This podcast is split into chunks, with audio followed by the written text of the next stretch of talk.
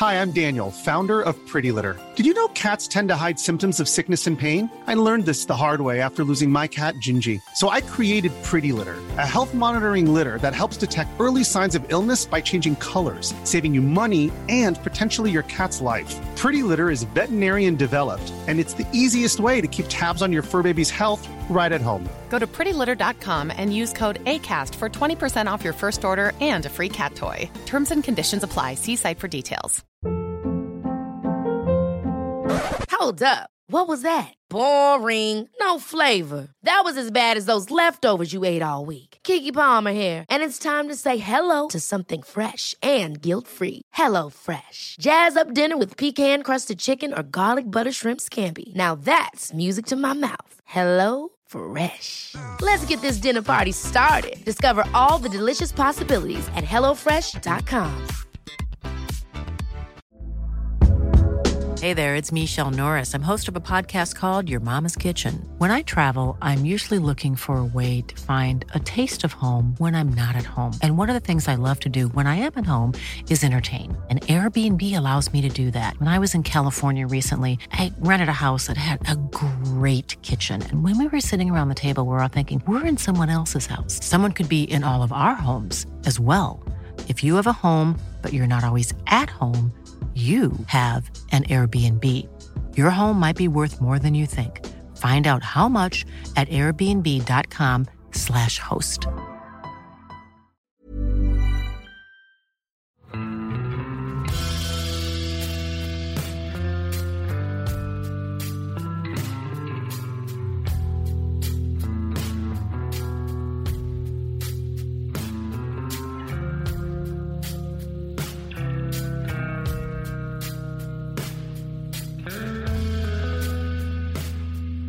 Hei, og velkommen til podkasten Uteliv. Mitt navn er Randulf Valle, og for andre uke på rad så har jeg virkelig storfint besøk her i podkasten.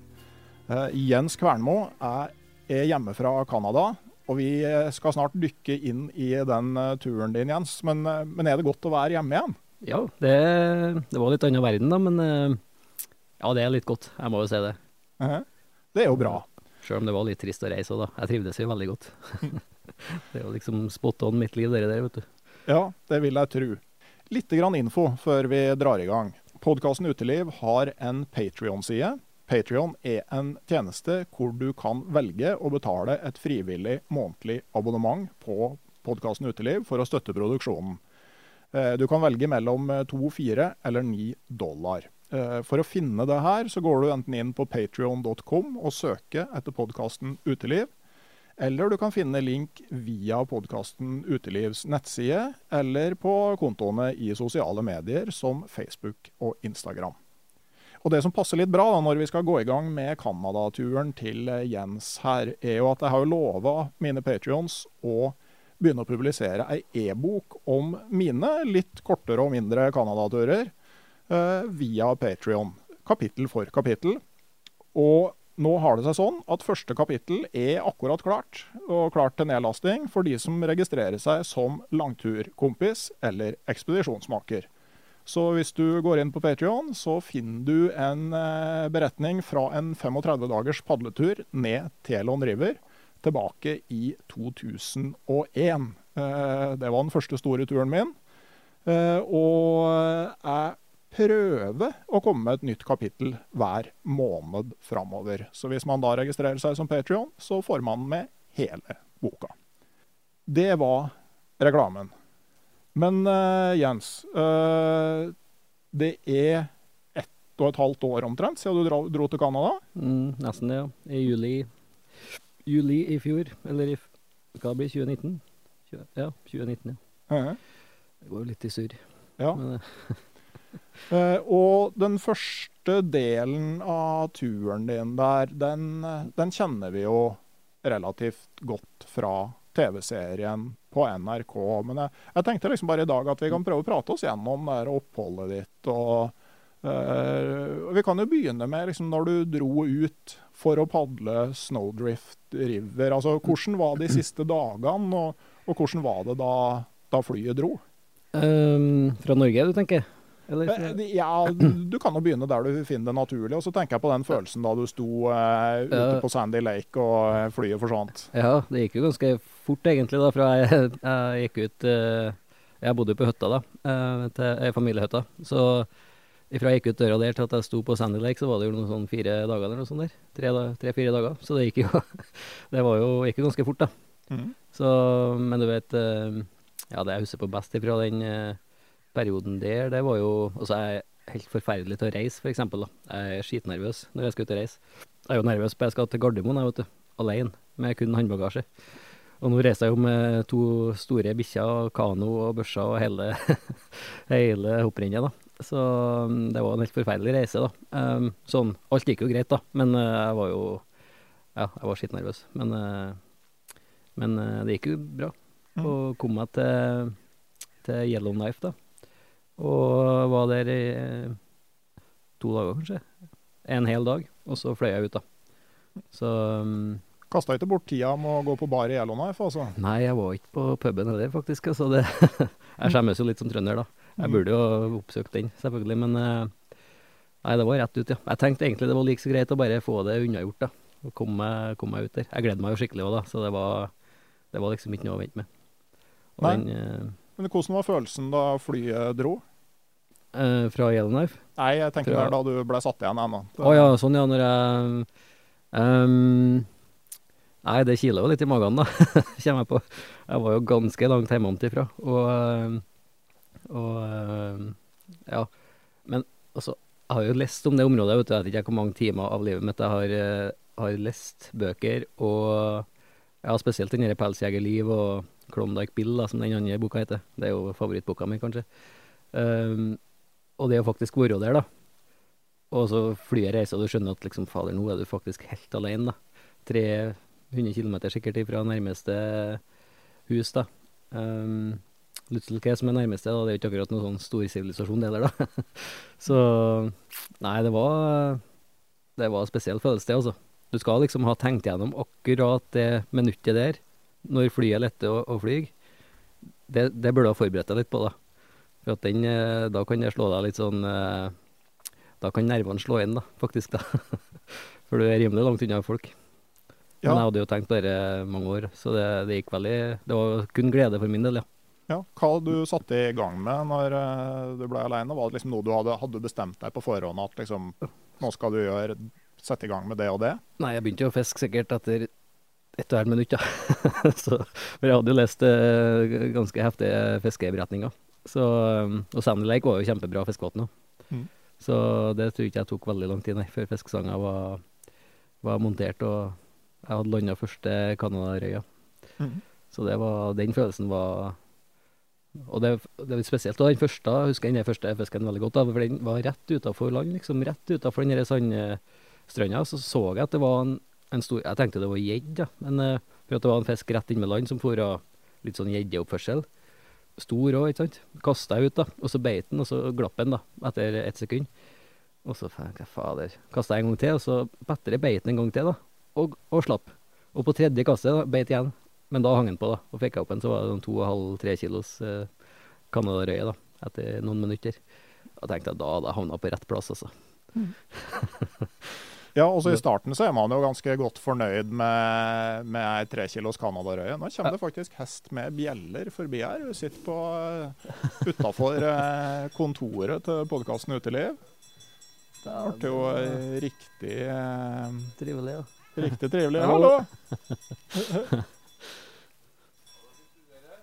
Hæ? Vi tar opp podkasten Uteliv. Du må søke opp den på nett, så kan du høre hva Jens har å si.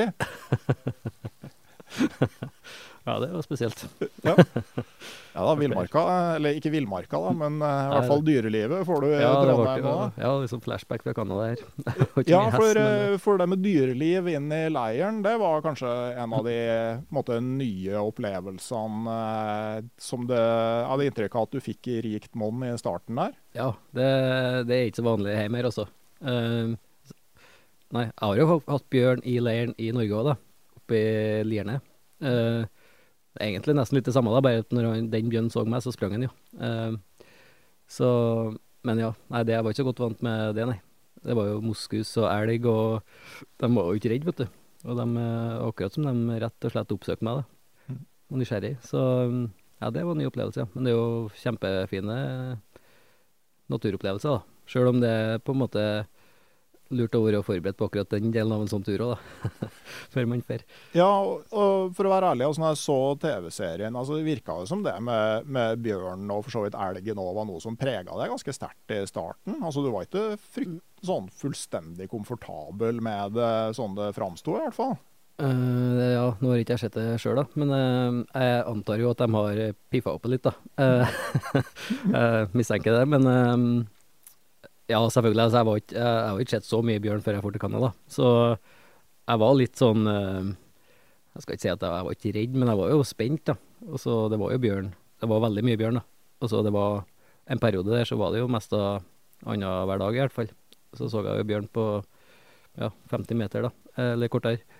Så um, um, Jeg sov jo godt, men på en måte jeg var veldig sånn på vakt på lyder sånn. Det merka jeg, det forandrer jeg meg, altså. Bare sånn når det var ekorn som slapp en liten smyger, så våkna jeg, vet du. så, men det tror jeg er litt sånn naturlig òg, da. Altså den egenskapen utvikler man sikkert, da. Når man bor sånn som det der over flere måneder.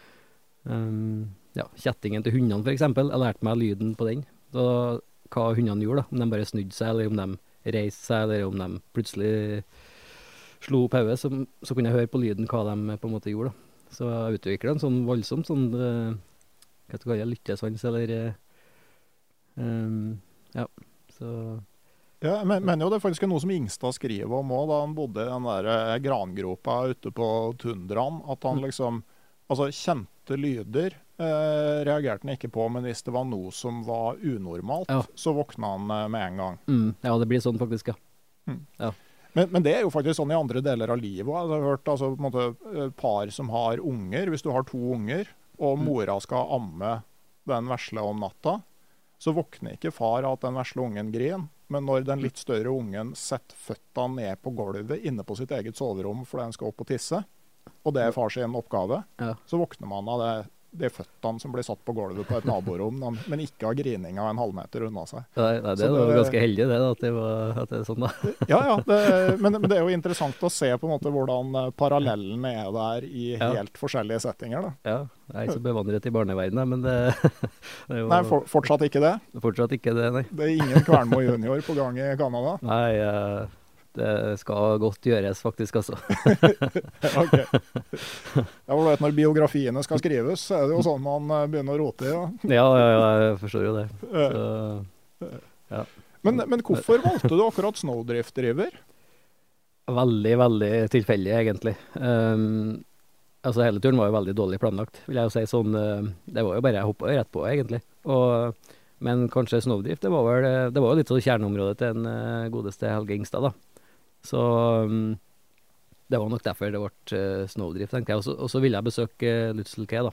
Mm. Og den, uh, da var det jo på en måte veldig naturlig å følge den elveleiet der. Uh, ja. Men Ja. Men det er jo ingen som har fortalt deg at det er godt fiske i Snowdrift River noen gang? er det det? Nei, aldri. så ett Google-søk, så hadde jeg jo funnet ut at det var dårlig fiske der. Så, Ja, jeg mener jo vi satt og snakka om det òg før du dro. at... ja, ja, men, For, for, for, for de som, eh, nå, nå setter jo du sikkert i gang sånn folkevandring til de områdene der i Canada. ja, Men, men, eh, det, vet du. men uh, det er jo ei sideelv til Snowdrift som heter Eileen River. Ja. Og hvis du følger det vassdraget og går oppover, så kommer du til Norwegian Lake til og med. Ja. Og videre opp Tent Lake og Sled Mm. Creek, tror jeg det heter oppover der. Og, og det er jo fantastiske områder. Lake der, ja, ja. ja, der får du jo Canada-røye og ja. Mm. Nei, jeg burde jo ha reist dit, da. Men um, nå ble det nå ikke det, da. Men det ble jo sikkert, jeg tipper de ble fornøyd, dem eh, på NRK, da. Fikk Mm. jo voldsomt med sylting og sånn og. Det ble jo supert for dem, regner jeg med. Ja, for det, altså, når du brukte kort tid i Yellowknife, så var det jo delvis fordi at du kasta ikke bort tida med å handle mat. Nei, det var kjempedumt, det også. Og det er akkurat det jeg er ferdig med nå også. Å ikke ha med meg mat på tur, ja. Mm. Det er faktisk Det tror jeg var siste gangen nå. At jeg skal holde på med sånn eh, survival-opplegg, ja. Ja. Nei, Ja, da, det, hvor mye hadde du skulle være ute i Hvor lenge skulle du være ute? eh, jeg hadde planlagt med to og en halv, tre måneder på den eh, ned til Lusselke, da. Mhm. Jeg brukte to måneder cirka ned dit. Ja, og Hva hadde du egentlig med? Altså, Det var ikke mange kilo. Um, Nei, kilo var ikke så mye, nei. Det var jo uh, havregryn, uh, mjøl, ris. um, ja, sukker og gjær, skulle jeg si. Sukker og um, salt. Mhm. Det var vel stort sett det. Jeg kommer ikke riktig på, jeg hadde ikke noe sånn handlepakkeliste akkurat på provianten. Men ja. altså litt av målet var jo å prøve å skaffe seg maten underveis, da. Og det gikk jo bra, jeg sitter jo her, så Men, eh, men eh, ja. Men Hadde du hatt større utbytte av turen hvis du hadde hatt med mer mat, tror du? Mm, nei, kanskje at det, det er noen kvelder at du tenker fader, det var dumt at jeg ikke tok med meg en sånn uh, frysetørra real turmat eller et eller annet. Men uh, sånn i det store hele så er det nå egentlig ble det noen bra tur, ja. Ja, men det at du hadde hatt liksom mer energi og eh, på en måte gjort mer hvis du hadde hatt mer mat? Nei, jeg tror ikke det, faktisk. Nei? Jeg tror det har blitt det samme. Det, det hadde jo blitt at jeg kanskje har kommet fortere frem, da. Mm. Så det er jo- Nå kommer de tilbake her i Ja. full fart. Snø på hesten og greier. Ja, det var skikkelig julestemning. Ja, det varer helt til i morgen, ser Ja. jeg på uh, Ja, jeg så det. Altså, det er typisk trøndelagsvinter, det. Ja, uh, av og til man uh, liksom drømmer tilbake til det indre Østlandet, der jeg er oppvokst, hvor eh, snøen ramler rett ned og blir der til den eh, smelter på eh, våren. Ja. Mm. Ja, det er stor forskjell borti Canada òg, da. Der er det Når det først blir vinter, så er det vinter helt fram til i mai. Mm. Det og, så har du et sledespor, så har du det resten av vinteren. Hæ. Så, Ja. det blir noe annet Trøndelag, ja. Nei, men Og også tenker jeg der på en måte å leve av landet. altså Én ting var jo å gjøre det da Ingstad og Dale var der. altså Du kunne jo, altså du hadde jo såpass mange elg innpå deg at du kunne jo på en måte på deres premisser ha ordna deg med godt med mat for, for hele turen, hvis du liksom Ja. hadde hatt lov i dag. Ja, hadde man levd på de samme Altså Nå er ikke jeg så sikker på at det var så fritt når Helge var der heller, da, men øh, hadde man jo ja, hatt litt mer frihet på den fronten, så hadde man jo levd som en konge. Mm. Så, Nei, det, det var vel ikke fritt fram, men altså når du hadde den trapperlisensen Ja. på den tida, så, så sto du vel relativt uh, fritt til å eh, forsyne deg. Ja, de, hadde de kunne jo skaffe seg mat, og det, den kulturen den er fortsatt der. da.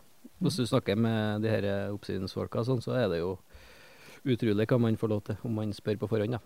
Når Ja. det kommer til å ordne seg mat. Ok. Ja, for altså, jeg merka jo at på en måte eh, Det er jo noen, år siden jeg har vært der, da, men at de faktisk hadde ganske liten kunnskap, en del av de der, eh, oppsynsfolkene. De trodde at det var lov å jakte fugl som man ville midt på sommeren. Og Ja. Det sto jo i brosjyrene at det var det ikke. nei, nei, det, det er jo Ville Vesten, vet du, så det er jo Nei, det er utrolig hva man eh, kan få til seg om man eh, går fram litt eh, ydmykt og spør seg frem. Og forklarer hva man gjør og, og sånne ting. Og i hvert fall hvis man er med indianerne, eller denne folket, så er jo Da er det jo egentlig Da lever vi jo på en måte som dem, da. For det er jo, på en måte, det er jo litt sånn deres land, liksom. Ikke sant? Og dem har jo helt frie tøyler. Og sånn som jeg opplevde så hvis, at det var, hvis man var med dem, så er det liksom Da tror jeg man kan eh, gjøre som man vil, egentlig, også. Uten at man eh, Ikke helt som man vil, selvfølgelig, men det er noe innafor sånn sunn fornuft, da. Ja. Og det er også det er en sånn sterk tradisjon for å skaffe seg til mat, da. Så hvis man bare er litt uh, åpen og ydmyk på forhånd, så er det, er det utrolig hva som går seg.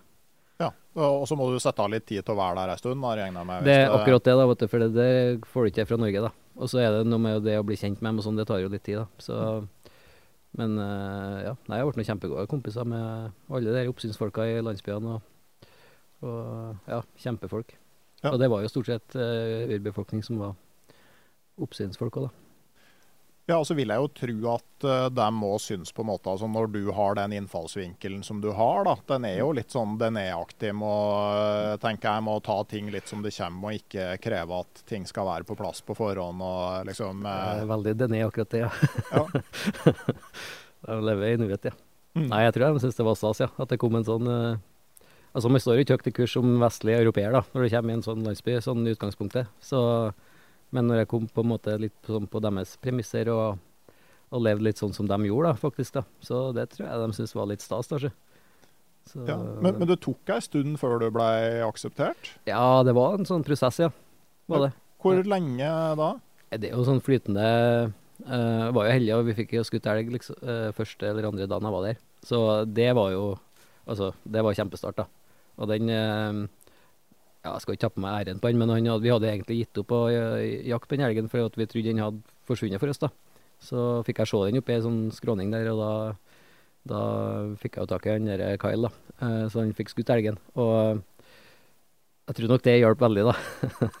og så at jeg visste at jeg kunne jo så De så jo sikkert at jeg kunne vomme ut og flå og partere og sånn, da. Og det tror jeg nok var veldig sånn eh, positivt, da, for å få innpass. Ja, At du kunne liksom på en måte være en av Ja. gruppa. Ja, jeg tror det. At de så at man eh, At jeg klarte meg sjøl, på en måte.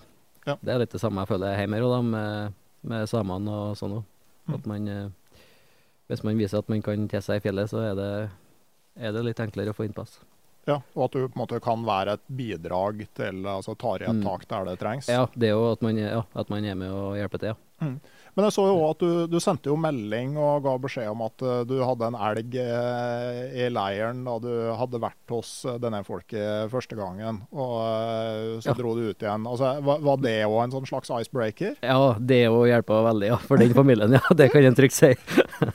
ja, det tror jeg har Der har jeg gratis kost og losji resten av mitt liv, antagelig, i det huset der. ja, det er Ja. Elg står veldig sterkt for dem, da. Det er liksom I hvert fall utpå høsten sånn, hvis du skjøt en elg, så er det, da er det feiring, altså. Ja. Men uh, du snakka på at caribuen var borte. altså Er den borte hele året i eh, Mm, ja. området? Ja, altså den uh, varierer litt hvor den står, da. Men den kommer ikke ned til Slavesjøen lenger, nei. Nei. Og ikke uh, Ja, den er jo liksom i kanten på tundraen der. Det varierer litt. Det er jo ikke så langt ifra Little til Eller langt, da. Også det er jo 300 km. Men ja, det, det føles ikke så langt nå, da. Men Så de kommer. De rekker jo dit. De bruker et par dager på å kjøre dit med scooter.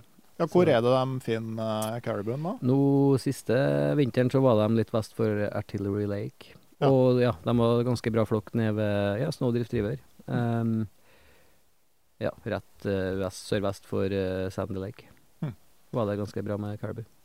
Ja, nei, for at jeg vet jo at uh, Det var jo en sånn legendarisk karakter, uh, Tundra-Tom, som Mm. hadde en sånn fotocamp inne på Whitefish Lake, altså Telons kilder, som han etter hvert flytta fordi at eh, var sånn rundt, Jeg var der i 2005, Mm. eh, og da var, var han i ferd med å gi opp, for at høsttrekket med caribou gikk ikke forbi der Nei. lenger. Nei, det stemmer. Det var uh, fra den tida der, eller 2000-tallet, rundt 2000, tenker jeg. Og ned, etter det så har det gått uh, veldig fort nedover, faktisk.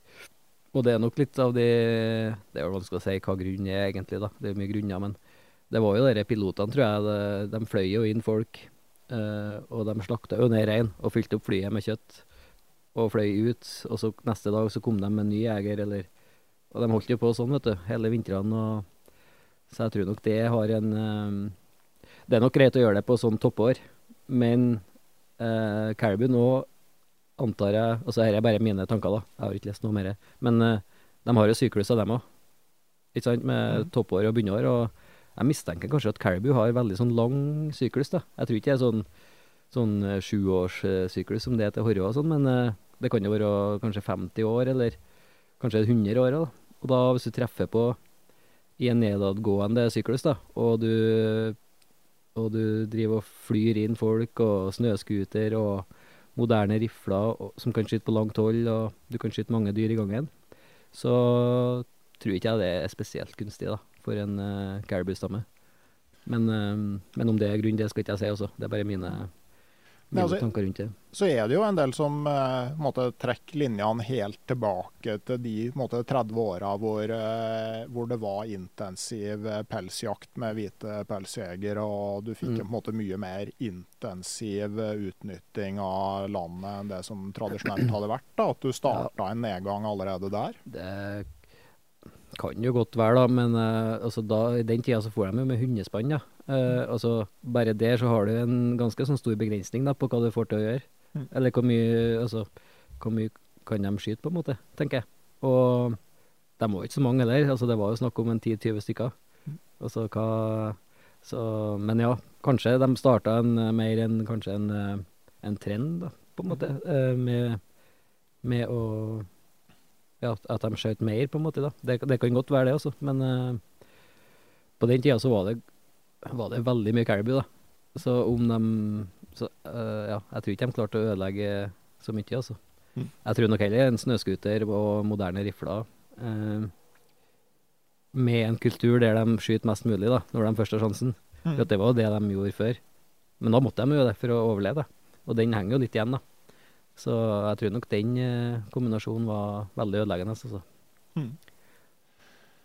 Ok, Men, ja. men uh, tilbake til Snowdrift. Jeg husker da jeg kom ned der, så var det jo så, så var det jo han Tundratom da, som eh, fløy meg ut. Jeg husker han sa før jeg dro at jeg vet ikke helt hvordan jeg skal si det her uten å høres tåpelig ut.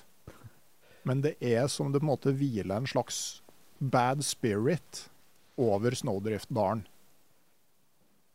Hvem som sa det? Sa piloten det? Ja, Tundratom. At liksom Ja, måte det er jo kjempestart på en tur.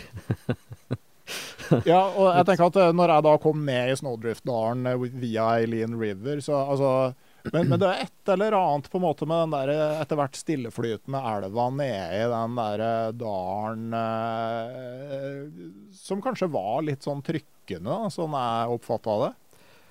Ja, det kan være. Jeg tenkte ikke noe Jeg tenkte ikke noe over akkurat det, men eh, det var jo veldig fint i hvert fall, da, nedover der. Så ja, var veldig alene. Det var ikke noen andre folk der. Så, så jeg opplevde ikke noe sånn eh, noen sånne spesielle opplevelser som gjorde at det var noe trykkende, nei, men eh, det var jo mye bjørn, da. Mm. Var det jo, Ja. nedover der. Og spesielt når jeg tok av og over eh, den der gamle kanoveien, den er sikkert du interessert i, vet du. Ja, jeg er veldig interessert i det. Det, det står, står på lista over eh, Jeg mistenkte. Ja, for det, ja, det og, og jeg var jo litt lenger sør-vest. Det gikk over fra Snowdrift til Elgsjøen. Ja. Og opplevde altså, Jeg fikk jo inntrykk fra TV-seriene at det var kolossalt med dyreliv inni der. Og det var på en måte Mm. den oppfatninga at det der var en sånn her veldig sånn jomfruelig villmark med veldig lite tegn til ferdsel og kolossalt mye dyr. Ja, det tror ikke jeg det er så mange som har ferie, nei, faktisk. det var i hvert fall ingen eh, spor, og ikke noen sånne gamle trails eller eh, Og de uh, folket i Lutsel Cave var nå aldri der, altså, for det var jo ikke mulig å det var, ikke, det var ikke veldig lett å komme seg dit, da. Um, nei, så det tror jeg det er utrolig mange år imellom at det er folk, ja. Mm. Jeg vet han um, Dave Olesen, han piloten der, han har vært der med hundespann for uh, Det var i starten på 2000-tallet en gang. Og han sa at han var helt sikker på at det ikke har vært noen der siden da. da. Og før han så visste han ikke når det kunne ha vært folk der det måtte ha vært noen sånne gamle trappere, altså pelsjegere, da. Som kanskje er svingt innom der. Ja, for jeg, jeg fant, eh, Da jeg gikk over fra Snådrift til Elgsjøen, midt inni der, så drev jeg og tenkte at her kan det aldri ha vært folk. Og så kikker jeg meg til sida, og der henger det ei gammel eh, sånn slagfelle. Å ja. Ja, ja, med et kranie fra jeg tror en mår. Ja, jeg husker det bildet der, ja. Gammel Ja. sånn Connie Bear-felle, ja. Det var litt sånn ikonisk, bare- egentlig, da. For at, det- OK. ja. Så det har, det har jo vært- noen der og slintra forbi, da. Ja, så noen har hatt en trapline inne der. Men, men Ja. hvordan opplevde du altså Daisy Dian, Robert Lake? altså De knytter jo på et vis sammen Store Slavesjøen og Øvre Snowdrift. Ja, Det eneste Altså, du har jo Pikes Portage, da, for eh, Ja, det er jo for spesielt interessert i det, men det er jo Bortsett fra den, så er det, tror jeg Jeg tør å påstå at den ruta jeg fant der, er den eneste fornuftige ruta, i hvert fall, da. Innover mot tundraen. Um, Ja. Men Tror du det kan være den gamle kanovei? Ja, altså med det tida jeg var der, så fant jeg ikke noen annen eh, vei innover der, nei. Nei. Så jeg er ganske sikker på det, ja. Men, men hvor langt uh, fulgte du altså, fulgte du de sjøene også ned Mm. mot Slavesjøen? Ja. Ja. For vi forlot deg jo på en måte på uh, Dian Lake i TV-serien, og så plutselig så var du i uh, Lutzel Cay. Å ja. eh, De, uh, Den gjør et hopp fra der, fra midterste sjø, og så er du plutselig bare framme i Snowdrift. ja, det er ok. Ja, det var jo litt uh, spesielt, da. Men eh, ja, nei, jeg padla jo ned til Jeg kom ned til um, Meridian Lake, heter den. Mm. Um, og så, ja, så brukte Nå kommer jeg ikke på navnene nedover der. Lausen Lake og To- Torchatvi Lake og Ja, jeg fant jo noe sånn Det var voldsomt mye portasjing. Ja. Så Var du på Elgsjøen òg, da? Nei, jeg var ikke innom Elgsjøen, faktisk. Med hensikt at du lot være? Uh, jeg hadde tenkt jeg skulle innom en tur, da, men uh, det ble ikke. Nei. Men var, det en, var det en fin rundtur rundt der med kanoen? Eh, ja, det som man ser det, det er jo mye portasjing, da. Mm. Det, Men ja, det var kjempefint, ja. Men det var brunnet, det var brannfelt hele området, så det var litt sånn Ja, det tapte jo sin glans på en måte, da, tenker jeg. Men det var jo voldsomt sånn villmark, da. Mye dyreliv og mye elg og moskus spesielt, da. Enormt med moskus. Så det, men det var litt sånn veldig sånn sus over det den, eh, de dagene der også. Sånn, Jeg har jo lest så mye fra det, pelsjegerliv spesielt, da. Ja. Så det å faktisk komme ned dit, det var ganske spesielt, ja. Nei, men Da kan det hende at du har eh, da oppklart mysteriet om den eh, gamle kanoveien. da. Det, det, det er i hvert fall ikke sikkert at det var rent lureri. Nei, altså, jeg tror nok det Han er jo flink til å skrive en Helge, da, det, Men eh, det, dere var nok en gammel kanovei, ja, det tror jeg. jo. Altså, at det i hvert fall har har feriefolk der i gamle dager, det er jeg helt sikker på. I hvert fall Ja. de som skulle opp Snowdrift. De får nok heller der enn å gå opp eh, starten på Snowdrift, ja, for den er jo Ja, det er jo to mil med portasjing, da. Ja, og, og jeg tenker at den stemmer jo på en prikk med, med på en måte beskrivelsen til Ja. Black Basil, Basil Ja. ikke sant? At, Ja. du, at du skulle komme inn på snowdrift overfor strykene. Mm. Ja. Så, det- Men det er det at du må bære opp bøygen, da, Ja. som er en sånn forkastning. Hvordan var den biten? Jeg gikk jo nedover, da. Så for min del så var det jo vesentlig enklere. Men ja, du starter med en eh, rimelig heftig portasje der, da. Mm. Så jeg skjønner jo godt at de så litt mørkt på den. Ja, i hvert fall når de på en måte ikke visste Ikke De hadde ikke var noe kart, eh, så de Nei. visste ikke hva som lå på oversida. Men hadde de tatt den portasjen opp, eller tatt en rekognoseringstur opp, så kunne jo liksom vinterkvarteret til Ingstad og Dale blitt et helt annet sted, og hele historien blitt helt annerledes. Ja, Helgsjøen hadde vært på en annen plass da, ja. Um, ja, nei, det er jo en to kilometers portasje der. da. Hadde jo gidda gått opp der, så hadde jo funnet, funnet sjøene som ligger der. Så ja, derifra opp så er det jo veldig rett fram, egentlig. Enkel, eh, eller enkelt, da det er jo motstrøms, da, men eh, ja, hadde de kommet seg opp den kneika der, så hadde så hadde de havna på en annen plass, ja. Det er jeg helt Mm. sikker på. Da er det ikke så langt inn til tundraen, plutselig. Det er jo hvordan man ser det, da. Ja, Betydelig kortere enn fra Elgsjøen? Betydelig kortere enn fra Elgsjøen i hvert fall, ja. Det er Ja. helt sikkert. Ja, for at når du da tar over altså sånn, Ja ja, det er jo fortsatt et stykke igjen. da. Det, men, men det er jo en glidende overgang, det òg. Fra skog og ut på tundraen. Altså det Ja. som Ingstad beskrev som tundrakvarteret sitt, ligger jo på en måte òg i de områdene som er litt Ja. sånn i grenseland mellom tundra og eh, skog. Ja, det er jo der de fleste holdt til. I kanten av Det er jo kjekt å ha ved til VTO-en. Så- Ja, det var visst de tøffeste som eh, brukte lå inn på tundraen og fyra med vierkratt hele vinteren. Ja, fy fader, altså. Det, ja, det er imponerende, ja. Mm. ja. Det er jeg spesielt interessert i, ja. Skal vi se Børste bort snø fra notatene mine her, jeg. Eh, men eh, altså, den biten her, altså eh, Hva opp, gjorde opplevelsene her med forholdet ditt til boka 'Pelsjegerliv'? Mm. Nei, jeg tror det forandra jo ikke forholdet til boka. Det var mer for min egen del at det var At det var veldig stort å være der, da. Mm. Altså, ja, det var, jeg hadde noen kvelder det var litt sånn Ja, en sånn tåre i kroken, og jeg tenkte at fader, også nå eh, er jeg faktisk her, da. Og opplever det samme, og sikkert samme følelsen med bålet på kvelden, og Så det var utrolig stort, altså. Mm. Ja, og kanskje hvis det er noe som er Når jeg leste boka da jeg var liten, så så jeg for meg at distansene var helt sånn enorme, da. Han, eh, han skrev jo på en måte litt sånn, kanskje på en sånn måte òg, da, at det, alt virka liksom uh, tøffere eller lenger eller eh, hardere enn jeg kanskje enn jeg følte når jeg var der sjøl. Mm. Så, så Men det blir jo litt sånn når du leser ei bok, så, så, så, så blir det jo sånn at hodet ditt eh, ekspanderer jo historiene litt.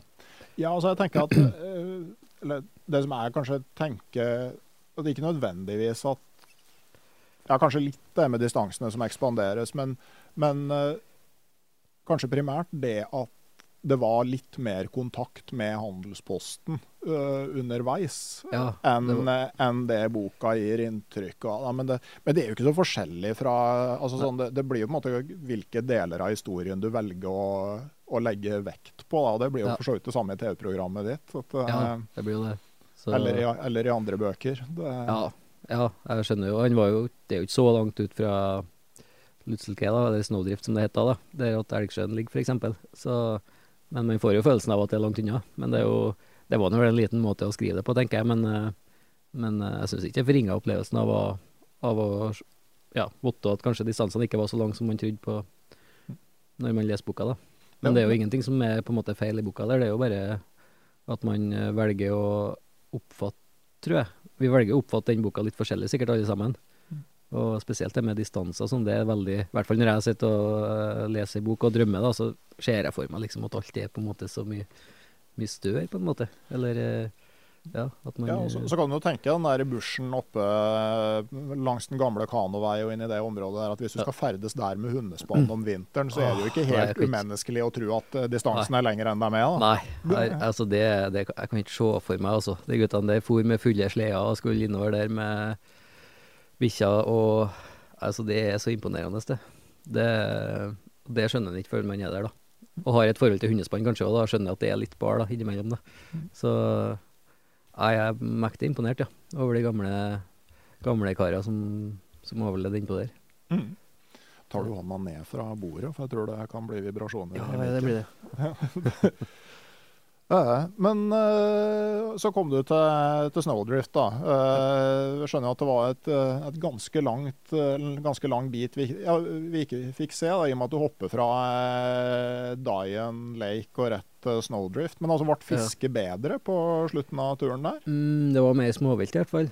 Jeg kommer på jeg skjøt en del og eller rabbits, da, som de kaller det, og chickens og ryper. Og jeg fiska jo, nå kommer jeg ikke på. Jeg fikk helt sikkert fisk nedover der, ja. Meridian Lake fikk jeg noe fisk i hvert fall. Um, ja, så slutten var nå tålelig bra, jeg tror jeg. Jeg husker jeg var motivert for å komme meg til Lyselskei, og se om det var noe kiosk der.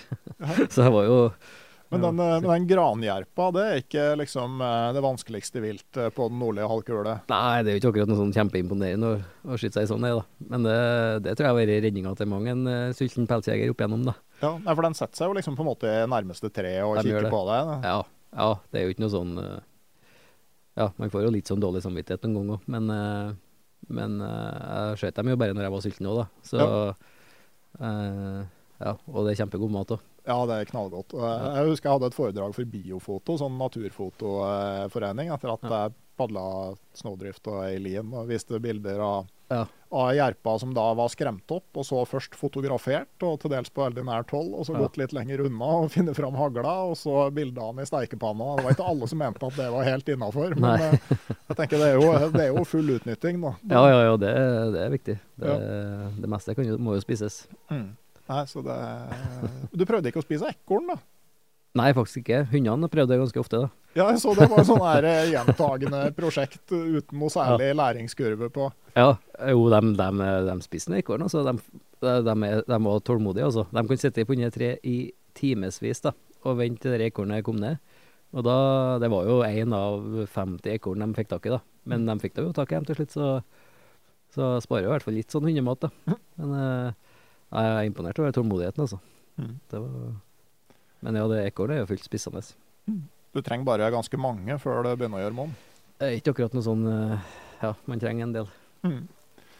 Jepp. Men så kom du da til, til Lutzel Cay. Eh, og eh, Og du fikk jo etter hvert da kontakt med Dené-folk eh, der. Mm. eh, var det sånn som du hadde drømt om og sett for deg? Um, altså, jeg har jo Jeg så jo for meg Tipia og Pil og Bue, jeg, vet du.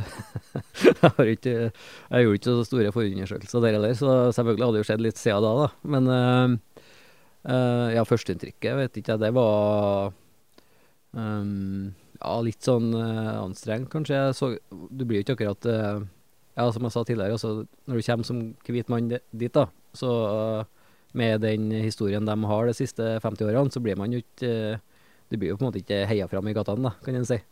Så um, førsteinntrykket var jo litt sånn uh, Tenkte jeg at her er jeg ikke velkommen, egentlig. Og så um, Men så ja, begynte jeg å bli kjent med dem og var med dem og jakta, og så fikk jeg jo på en måte innpass, da. De skjønte at jeg var på en måte på deres side, eller ble en av dem. Og da Ja, da fikk jeg et helt annet inntrykk av eh, befolkninga, altså. Og et mer raust og gavmildt og snilt folkeslag, det skal du bedre lete lenge etter. altså.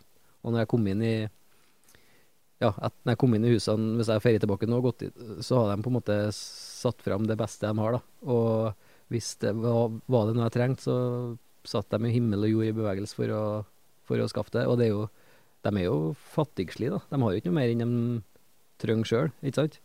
Så at de gjør noe sånt for en eh, en eh, hvit mann fra Europa, det, det sier, sier litt om dem også. Så det er kjempe, kjempefolkeslag. Det er utrolig snilt. Mhm. Men hvordan ble den videre høsten, da? Eh, Var du Mm. mye i Ja. Lutzelkei, eller for deg sjøl, eller? Jeg var, hadde jo en base utafor uh, Lutzelkei, utpå Stark Lake, ei bukt i Stark Lake. Og så var jeg jo litt inn og ut av Lutzelke og var med med jakta. Og, så jeg var jo der kanskje en måned eller noe sånt der, fram til midten av oktober. Ja. Da Ja, rundt her, tenker jeg. Hva skjedde videre utover høsten? Da måtte jeg til Da får jeg tilbake til Yellowknife, og, for da kom jo noen representanter fra Rikskringkastingen, da. Så leverte jeg fra meg råmaterialet, og så får jeg til Fort Resolution, heter det. En annen landsby. For der hørte jeg snakk om en pelsjeger da, som bodde. Og det var jeg jo rimelig interessert i, da. Å være med noen sånne gutter. Jeg skulle si Fort Resolution, hvor blir det i forhold til Yellowknife? Ja, eh, Ja, sørøst på Slavesjøen, da. Å ja, ja, nettopp. Ja. Så du må liksom rundt Slavesjøen? Rundt Slavesjøen, ja. Ja. Eh, Jeg mener, der har jeg jo vært. Ja, du har vært i Fort. Resolution, ja. Det er Talson River eller Nei, River Nei, der, der er ikke så langt. Nei. Jeg har vært så langt veien går. Uh, ja. Ja, Det er jo dit, det. glem det. Det er ikke Ja. så viktig her. Men, uh, men du havna på sørsida av Slavesjøen en stund, da? Nei, i Lutzelke så tror ikke jeg det var noen som uh, faktisk levde av fangst på vinteren. Jeg er helt sikker på at det ikke var noen der, nei. Det var sånne bytrappers, som de kalte det. Shithole trappers kalte de meg. De som ikke kom seg lenger unna skytesend, at de, de måtte tilbake samme dag. det var en del av dem, da. Ja. Men uh, det var ikke noen som bodde liksom ute i bushen, da. Sånn som jeg tenkte å hadde lyst til å gjøre, da. Men da hørte jeg snakk om han eh, karen i Fort Resolution, ja. Devon het han, ja. Og han levde jo utelukkende av fangst, han. Ja, fra november til mai. Så det var skikkelig pelsjeger, altså. Og så var du der hele vinteren, da. Var der hele vinteren, ja. Fram til i mars. Der er koronaen, ja. Fram til koronaen eh, slo til. Der må du fortelle om. Eh, Hvem var han? Var han av urbefolkningsavstamning, eller? Han var Ja, han og faren var jo eh, Ja, indianer, da. De, de bruker jo det ordet om seg sjøl òg, eh, Og mora var jo da fra innflyttet. Så han var jo halv Eller ja, kvart urbefolk. Qu- Quarter Indian, som han kalte seg sjøl. Han var veldig stolt. De er jo mer stolte av å ha urbefolkningsopprinnelse enn av å være hvit, hvit mann, da.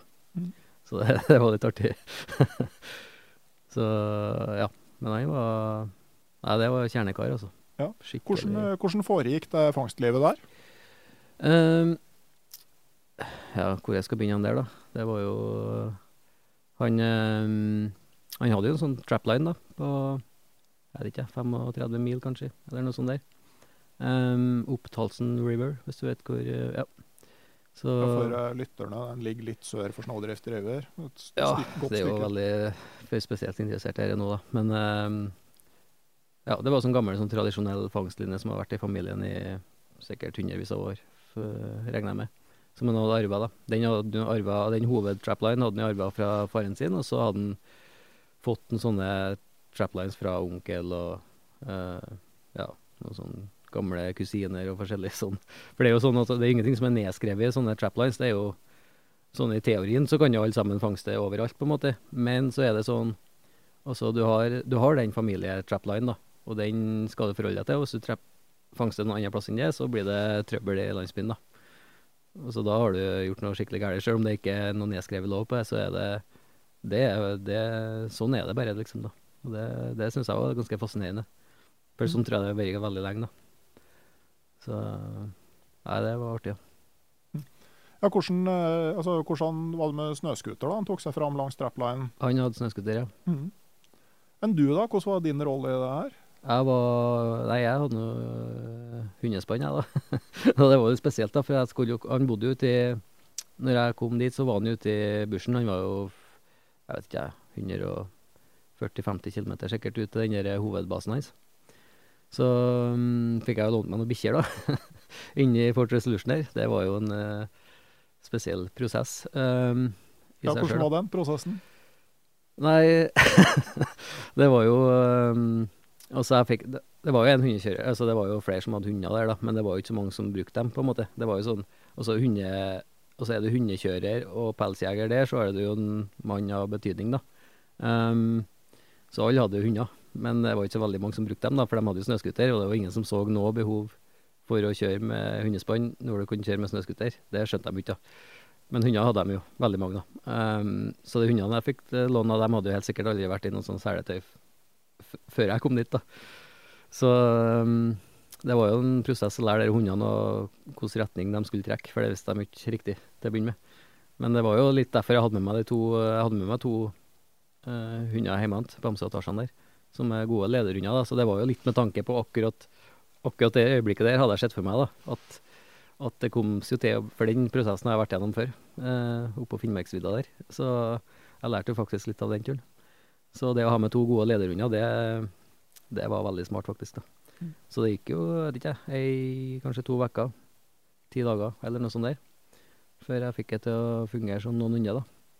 Og da, ja, da fikk jeg litt sånn veibeskrivelse, så litt sånn som han gamle Basil, faktisk, fra en uh, Roger, het han, en gammel, eh, eller i 60-årene, som forklarte meg veien ut til, ut til Talson River. Og da var jeg sånn, jeg hadde ikke noe kart eller noen ting, vet du, men da var det sånn, før det sporet der til du skal krysse Slave River, da, uh, da måtte jeg passe på for 100 meter opp til høyre, og så kunne jeg krysse isen. da, for Hvis jeg for rett over, så er det dårlig is. og så var Ok, det, det var greit, da. Og så var jeg sånn rundt det store treet og opp den creeken, og så kommer du etter hvert, etter et par timer kommer du til Talson River, og så er det om å ta til høyre, og så følge den, da. Så det var litt sånn eh, gode, gamle dager, dere der, egentlig. Så um, egentlig, når en tenker tilbake på det, så var faktisk akkurat det, det der var litt sånn galskap, da. Men uh, men det gikk nå bra. Det er jo litt sånn uh, uortodokst å uh, dra i vei oppover der uten kart. Veldig. men det gikk nå bra. Og så jeg traff jo på veia, da, eh, akkurat når jeg kom til Talson River. Det var jo, brukte jo to dager dit. Og da traff jeg jo Det bodde jo en annen pelsjeger, da. Sheldon heter han. Uh, og av en eller annen grunn så hadde han ei polsk dame i hytta si der. Det, det var så surrealistisk, det. Det var sånn uh, Ja, jeg vet ikke jeg hvordan jeg har fått tak i henne egentlig. Men uh, hun var jo en sånn eventyrer som av en eller annen grunn plutselig havna sammen med han, da. Ute i bushen der. Så det var meget spesielt. Så av han fikk jeg jo Da hadde jeg jo kunne jeg følge trapline hans, da, et stykke videre. Så det var jeg egentlig litt heldig med, da, at han var der. Uh, pluss at han fikk friska opp dere veibeskrivelser litt, for å komme meg videre.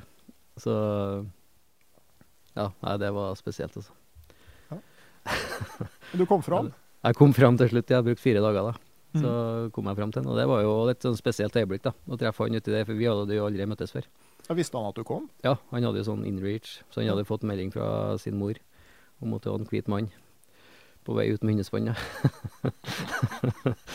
så det var Men jeg hadde fått veldig gode skussmål. Altså, jeg hørte hørt veldig mye bra om ham, da. Så jeg var jo Jeg var jo Ja, jeg var ikke så nervøs, nei. Men eh, ja, det føler jeg litt sånn på Jeg kommer på den følelsen, ja. Du føler deg litt sånn Du er veldig langt fra hjem, da, når du får sånn som dere der, altså. Ja, det er litt sånn Dr. Livingston, I presume-følelse. Ja, veldig. veldig. Så Nei, det er jo galskap når en tenker på det, men det var jo liksom eh, Altså Altså, jeg hadde ikke planlagt så mye, men det var på en måte Det òg var på en måte planlagt, da. For at jeg tror nok eh, Det gjorde eventyret på en måte òg, da. At det ble veldig sånn eh, Det her sto jo overfor veivalg hver dag, på en måte, ikke sant? Og vel, jeg følte magefølelser hver dag, da. Om jeg skal liksom gjøre sånn eller sånn, eller Og jeg tror nok det gjorde Jeg tror nok det er selve eventyret ligger, da. Alt det ukjente. Ja, At du ikke Eh. planlegger så mye på forhånd? da? Ja, altså noe må må man jo planlegge, men uh, akkurat den turen der tror jeg ble uh, bedre av at jeg ikke detaljplanla hva jeg skulle gjøre uh, på en bestemt tid. Ja. Men Hva du gjorde når du kom ut han eh, på uh, trappingcampen? da? Hvordan var dagene videre? Uh, nei, det var jo, han var jo i full gang med fangsten, så han hadde jo sikkert fanga Ja, han hadde fanga mye um, allerede, så det var jo rett på med fangst, da. Mm. Så det var, det var pangstart på det pelsjegerlivet, ja. Og han var jo Altså eh, Jeg hadde jo hørt snakk om at han fanga sånn 100 og 100 gauper i året, liksom, og sånn, da, men det trodde jeg jo ikke noe på. For det er jo det å skryte opp historiene er jo ganske vanlig borti der. Det er ikke bare i Norge, det. Nei. Men uh, når jeg kom dit, så skjønte jeg faktisk at der er det jo en uh, Han her fangster jo faktisk like bra som de historiene som jeg forteller om. Men det var jo Ja, et mer viltrikt område har jeg aldri opplevd, da. Spesielt på sånn uh, Ja, Men altså 100 gauper, altså fanger du ei gaupe annenhver dag, da? Vi hadde jo kunnet ha 20 gauper på et sånt eh, run, da. Og så en At du gikk, kjørte over fellene, så hadde du kanskje kunnet ha 20 gauper, da. 25. Men altså, det er jo snakk om 400 snarer, da. Så ja. Det er jo, det er jo på en måte stor, stor produksjon. Eller Altså Sjøl i de områdene der så er det ikke plass til så mange sånne. pelsjegere. Mm. Nei, det jo bare, var jo bare han der, da. Ja. Så de har jo Altså, det går ikke an å se for seg det, ikke? Uh, uten å ha vært der, tror ikke jeg. Altså, det er som at du har hele Trøndelag og Nordland, ikke sant? uh, helt for deg sjøl. Det er ingen annen Kanskje slentrer en kar og skal skjøte seg en bison eller et eller annet, da. Og kanskje har han noen mårfeller her, her og der, da. Men han er, han er jo i praksis helt alene, da. Mm. Og enormt med vilt, da. Altså, det Men det jeg tror ikke det går an å se for seg uten å ha vært der, nei. Men var det såpass utbytte at det liksom var eh, økonomisk eh, noe eh, i det for han? Ja, for han, han levde jo av det. Altså han Ja, hvem på ei gaupe så var det 85 dollar, sier jeg bare det. Hva blir norske penger det, da? Sånn 600 Ganger med 10 omtrent. Ja, ja, 600-700 kroner kanskje, så fanga han jo Vi fanga jo 60, da.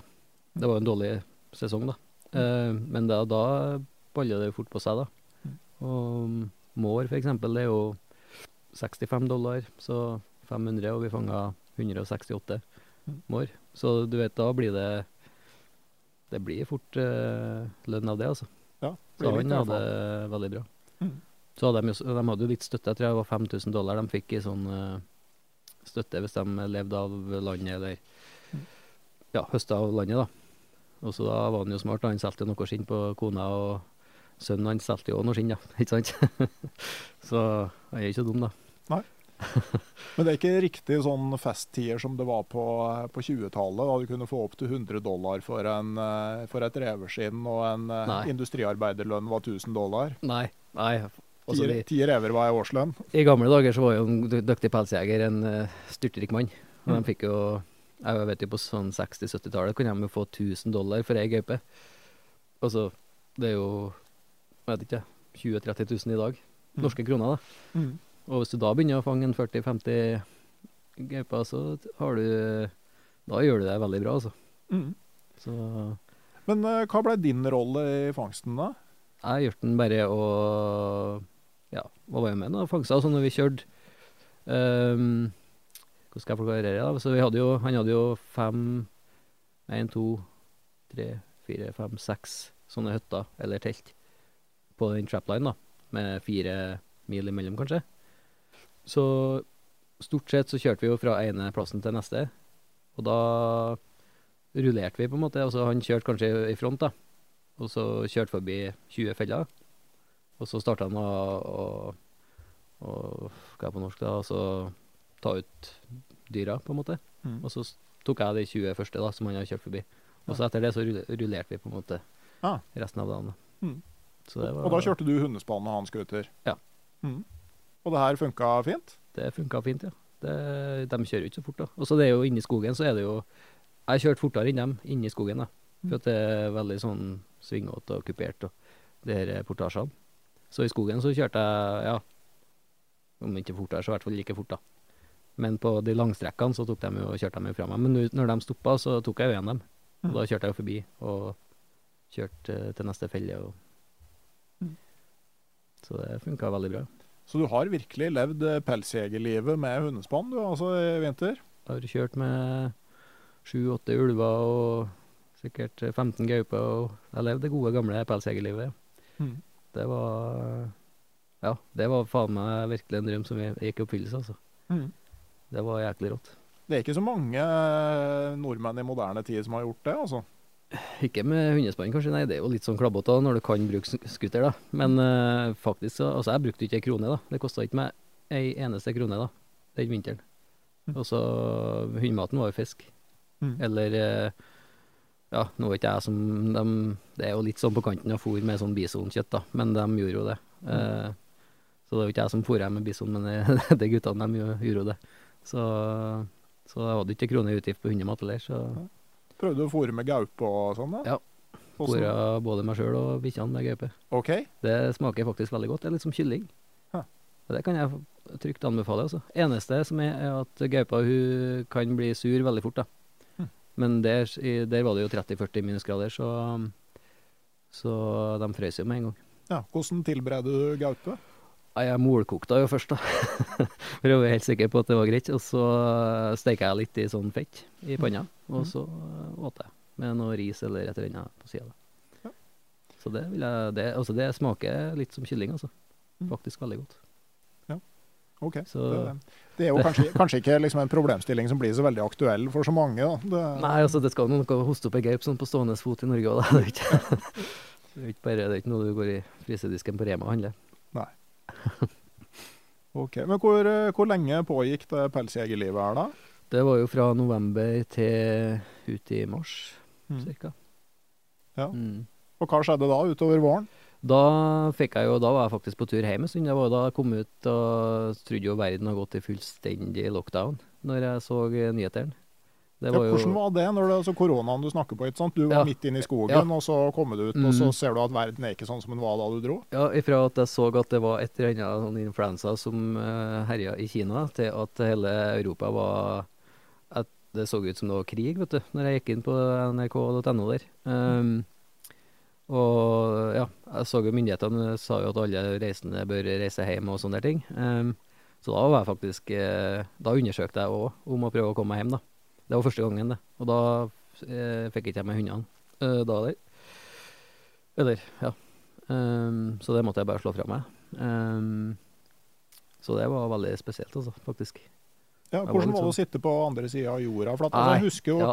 Bare tenke at øh, Prøv, å- dere som hører på, å tenke tilbake på de dagene i mars. For at nå Ja. er vi på en måte blitt litt vant til det. Vant til, Men jeg husker på en måte den dagen jeg var og henta unger på skole og barnehage og tok med alt av klær og utstyr, og vi så på hverandre og liksom Hvor er vi på vei hen nå? Ja. ja. Og da satt du på andre sida av jorda, og blant Ja. at du har så nært forhold til bestefar din. Ja. som, øh, hvordan, var det? Nei, det var egentlig faktisk helt for jævlig, ja. Um, ja det var lenge siden òg, men um, Nei, jeg var helt sånn overbevist om at nå må jeg reise hjem, da. Og altså det, Jeg så for meg at det var Altså, må hjem og hjelpe til, på en måte, da. Altså Ikke at jeg er noe, ikke noe sykepleier, da, men jeg har jo bra sanitetsutdanning, da, så jeg har jo kanskje noe å bidra med, tenkte jeg. Um, så nei, det var faktisk ikke noe god følelse, nei. Um, var ikke det. Men da Ja, jeg kom ikke meg hjem med hundene. Da var jeg, da jeg, akkurat den tida der så tror jeg ikke det var mulig å komme seg hjem med bikkja heller, da. Um, det var jo den tida Thomas Werner prøvde å komme seg hjem fra Iditarod òg. Mm. Så han mellomlanda jo faktisk i Yellowknife, da, så hadde jeg jo visst av det, faktisk. Jeg egentlig, sett i ettertid er jeg jo glad for at jeg ikke visste det. At han hadde planlagt å mellomlande i Men det var jo seinere, ja. Det var jo ute i mai, kanskje. Mm. Så ja. Hadde jeg visst det at han skulle lande der med privatflyet, så hadde jeg kanskje haika hjem, da. Men uh, sett i ettertid er jeg veldig glad for at jeg ikke visste. Ja. Da fikk jeg med meg sommeren. Eh, Ja, for hva gjorde du altså, Hva gjør man om våren? Altså, i, eh, for at, eh, som jeg, når jeg har lest sånn klassisk pelsjeger- og no, nordområdelitteratur, så er jo Mm. freeze up og, og, og tå-up liksom, altså, Når isen legger seg og når isen går, da, Ja. da er du på en måte Da er ikke så mye å finne på. Nei, du er stuck, ja. Jeg kom inn i fiskebransjen på den tida der. Eh, får- eh, der og alt var helt sånn tilfeldig, da. Jeg møtte jo en sånn hvit pelsjeger der. Han er fra Tyskland opprinnelig, faktisk. Uh, så jeg bodde jo til han en liten stund på våren der, under den koronatida. Og så um, Ja, da sto jeg og sparka småstein, eller uh, snø. Og så kom jeg i kontakt med ei sånn tuppe som drev med fisking, da. Og så hun levde av fisking på Store Slaversjø, så tenkte jeg dette må jeg jo dykke dypere inn i, da. Eh, så jeg tok jo kontakt og fikk være med og fiske, så da kom jeg jo i, inn i fiskebransjen. Så i, i hvert fall i april. April måtte det være. Da fiska jeg jo mye, da.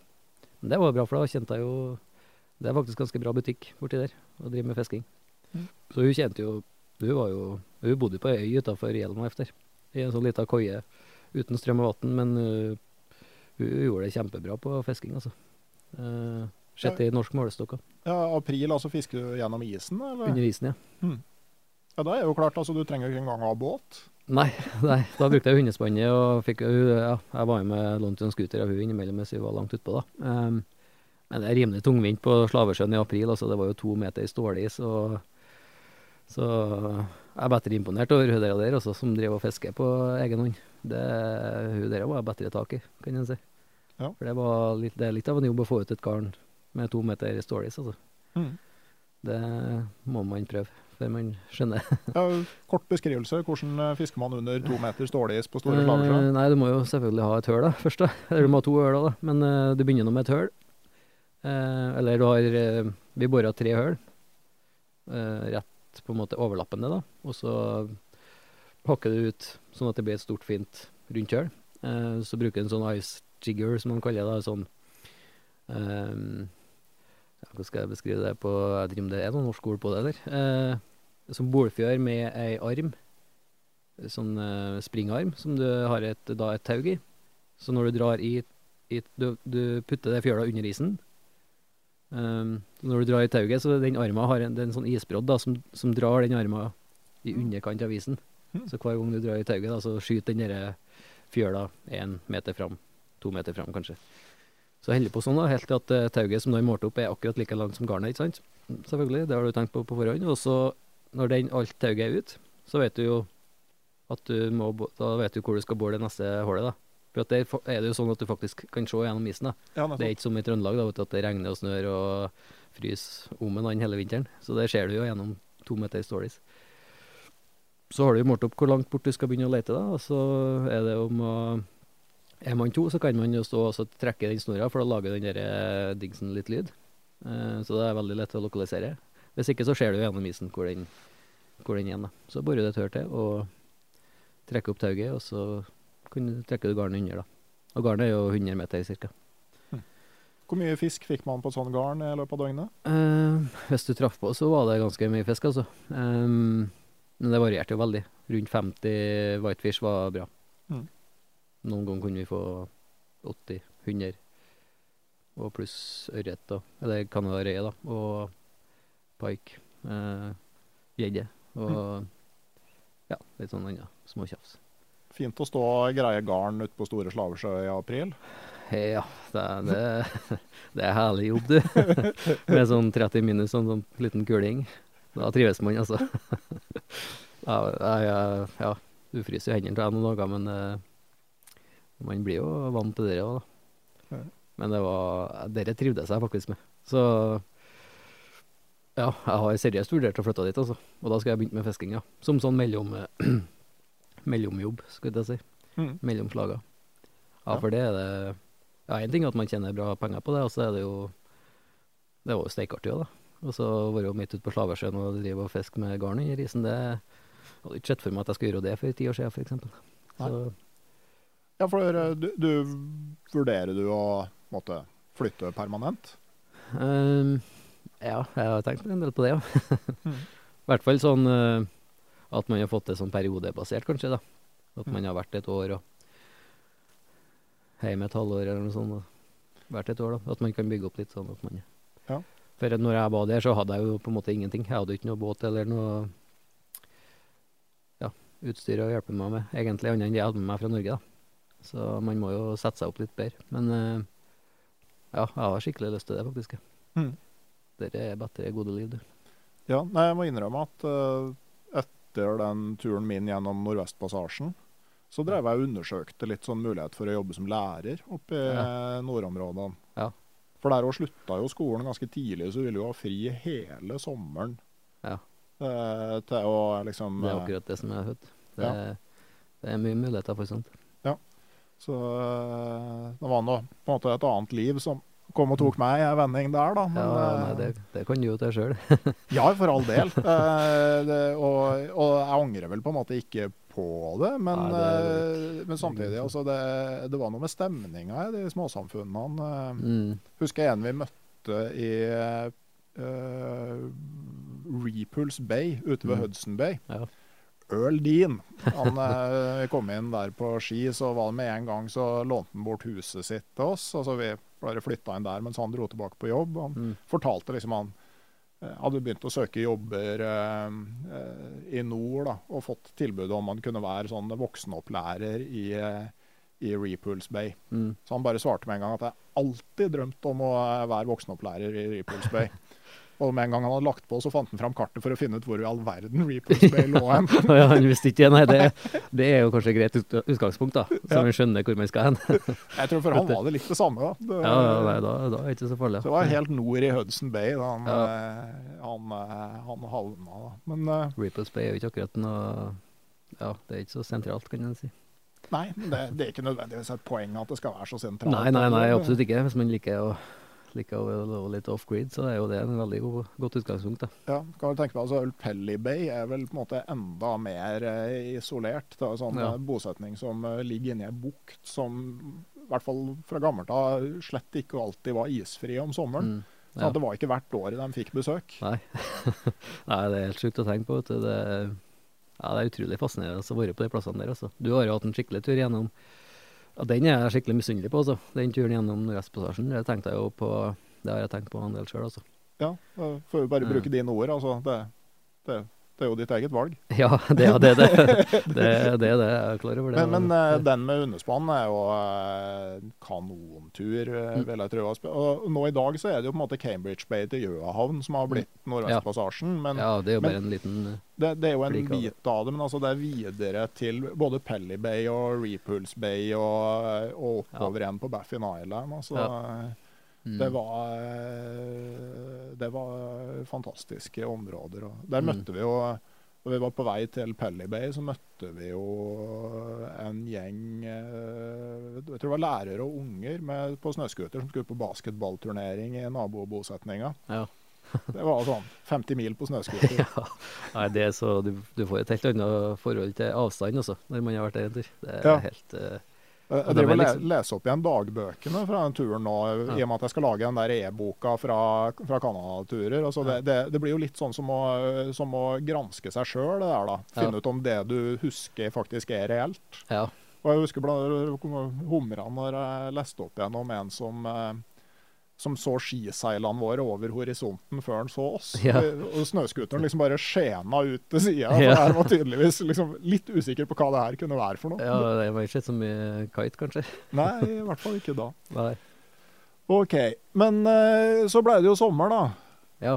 Og altså, det, det er jo ingen som skal beskylde deg for å ha overflømma oss med informasjon da, etter den NRK-serien. Jeg tror jeg telte opp en sånn der eh, fire Instagram-poster eller noe sånt. eh, på en Ja. måte fra vi forlot deg på TV i høst. Eh, For det første, altså, har du, har du filma sånn som vinteren og det vi har snakka Mm. om nå? Jeg filma litt, grann, ja. Men på vinteren sleit jeg skikkelig med kameraene, for det var jo så bikkjekaldt. Det var jo Ja, det lå nå mellom 30 til 50 minusgrader, da. Og for eh, ja, du har nå driver nå med kamera og sånn, du vet nå hvordan de funker når det blir 15-20 minus. Så jeg sleit faktisk ordentlig med det, ja. Um, ja, så jeg, men jeg filma litt, ja. Så det er jo De sitter nå og knoter med det nå, da. Mm. Men det var det ikke noe De ville jo lage en egen TV-serie fra den fangsten, men det, det tror ikke jeg det blir nok til, da. Men at det blir et program eller to, det skal man jo ikke se bort ifra. Nei. Men det er heldigvis ikke min jobb å sitte og knote med det der. Så jeg vet faktisk ikke. Og det ja, Vi får bare se hva de får til. Men eh, Og så kom jo sommeren, da. Og Mm. eh, det jeg har lest, at du har padla 1100 km med 29 portasjer, eller hva det var for noe, og endte opp hos inuittene. Mm. Eh, og så har jeg begynt å Og du har ikke skrevet hvilken elv eller hvilken rute du har padla. Kan jeg få lov å prøve å gjette? Ja. Det er jo ikke så veldig mange muligheter, egentlig. Nei, det, det er jo ikke det. For at, uh, jeg vet jo at du tenkte på back, men den Mm. kan ikke ha vært backriver, for det var skog. Uh, og det er egentlig bare to muligheter igjen da. Uh, jeg tenkte tenkte at du kanskje hadde tatt veien nordover fra Yellowknife gjennom skogen og over på Coppermine og ut til kysten. Men jeg syns det er for mye skog på, på, bildene, så jeg tror du har tatt opp Pikes Portage over på Hanbury River og ned Telon. Ja, det stemmer det. Mm. Ja. det er godt eh, Ja. Det var jo bare kanskje to valg òg, da. Så, Ja. Men det er jo godt, eh, godt resonnert, ja. Så jeg starta fra Lutselkei da, og så opp Parks, ja. Og ja. Nei, det var Jeg vet ikke hvorfor det egentlig den turen Den turen bare ble et par uker før jeg for. Mm. For jeg tenkte på Back River, ja. Um, men du vet, det var jo tre uker seinere isløsning i år enn det normalt sett er. Så den måtte jeg faktisk bare slå fra meg. For at det tror jeg hadde blitt plaga med is. Eh, jeg er ganske sikker, ja. Og inuittene mente jo at det Det er jo ikke sikkert at den derre um, Å, herregud. Chantry Inlet var åpen um, heller, når jeg kom frem. Så da står man jo litt med et eller annet i påska sin, da. Så jeg tok rett og slett ikke sjansen. Så, men det var jo ikke noe dårlig alternativ jeg for på, altså. Egentlig veldig, Sett i ettertid så er jeg veldig glad for at det ble, eh, ble som det ble. da. Jeg tenker jo sånn, eh, Når du er alene, så er jo eh, er jo ikke padla back, men altså ut fra beskrivelsene der, så er det jo mye store sjøer, og når Mm. det er elv, så er det ganske mye trøkk i, i elva. Ja, nå er det jo store sjøer på, på den turen jeg hadde òg, da. Ja, på Eh, slutten så er det jo det, men ja. du har veldig mye partier med elv med fin padling. Det har du imellom, ja. ja. Sånn at Mm. det er ikke bare det. Nei, den store forskjellen er vel stryka på Back River, tror jeg. Det er jo enormt med, med stryk. Mm. Det er jo en del stryk på Hanbury òg, da, men, eh, men Back har vært mer krevende sånn sett, ja. Sjøl om eh, tidsmessig så tror jeg det har endt opp på det samme, Mm. ser jeg for meg. Ja. Jeg brukte jo 50 dager på den turen, men ja, det har blitt litt lenger på Back da, hvis jeg skal starte fra Lutzelke, tenker jeg.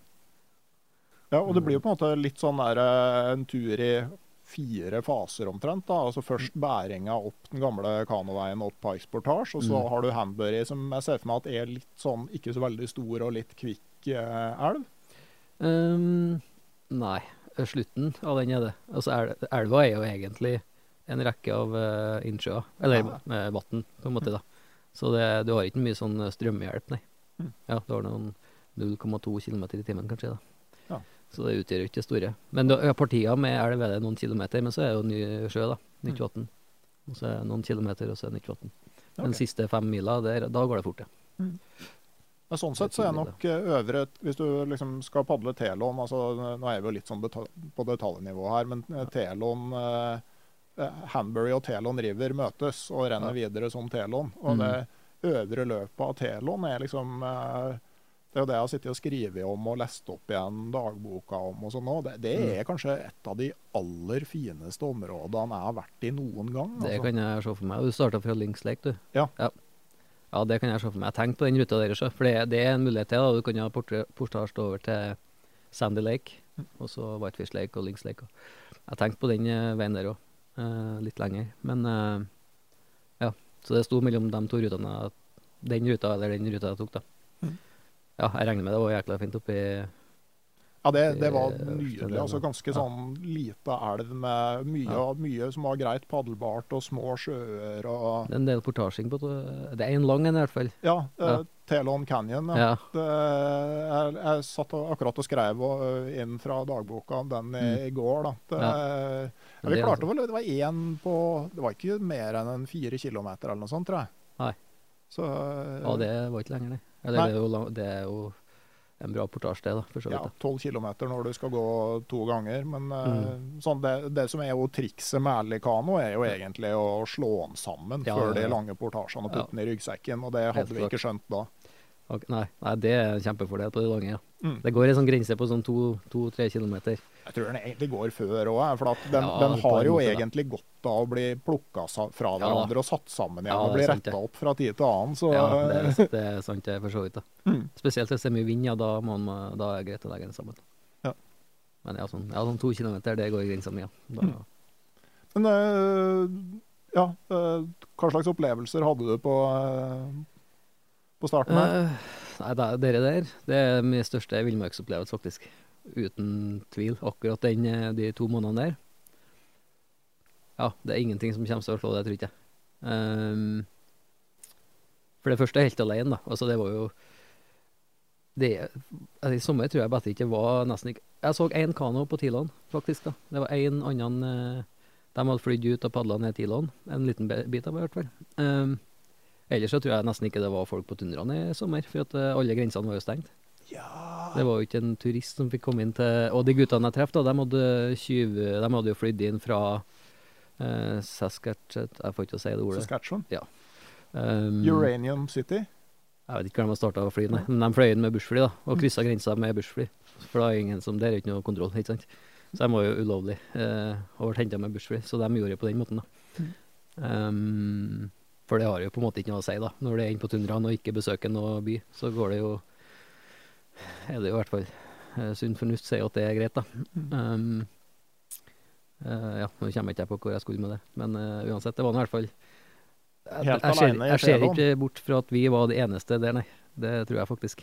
Og det er det ikke så mange som har opplevd noen gang. Nei, det tror ikke jeg. Uh, Tidland er jo ganske besøkt, da. Mm. Um, ja, det er nå i hvert fall en del ekspedisjoner der.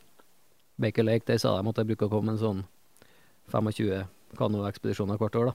Mm. Ikke alle padler Tilon, nei, men eh, Nei, Men, Dubont og ja, alle de der uh, Kazan. Kazan kommer jo ned Ja. der. Og, Så um, Men Tilon, ja, sier at det er ti ekspedisjoner hvert år. Det ser ikke jeg bort fra, nei. 15, kanskje. Mm. Så jeg var veldig heldig med året sånn sett, da. mm.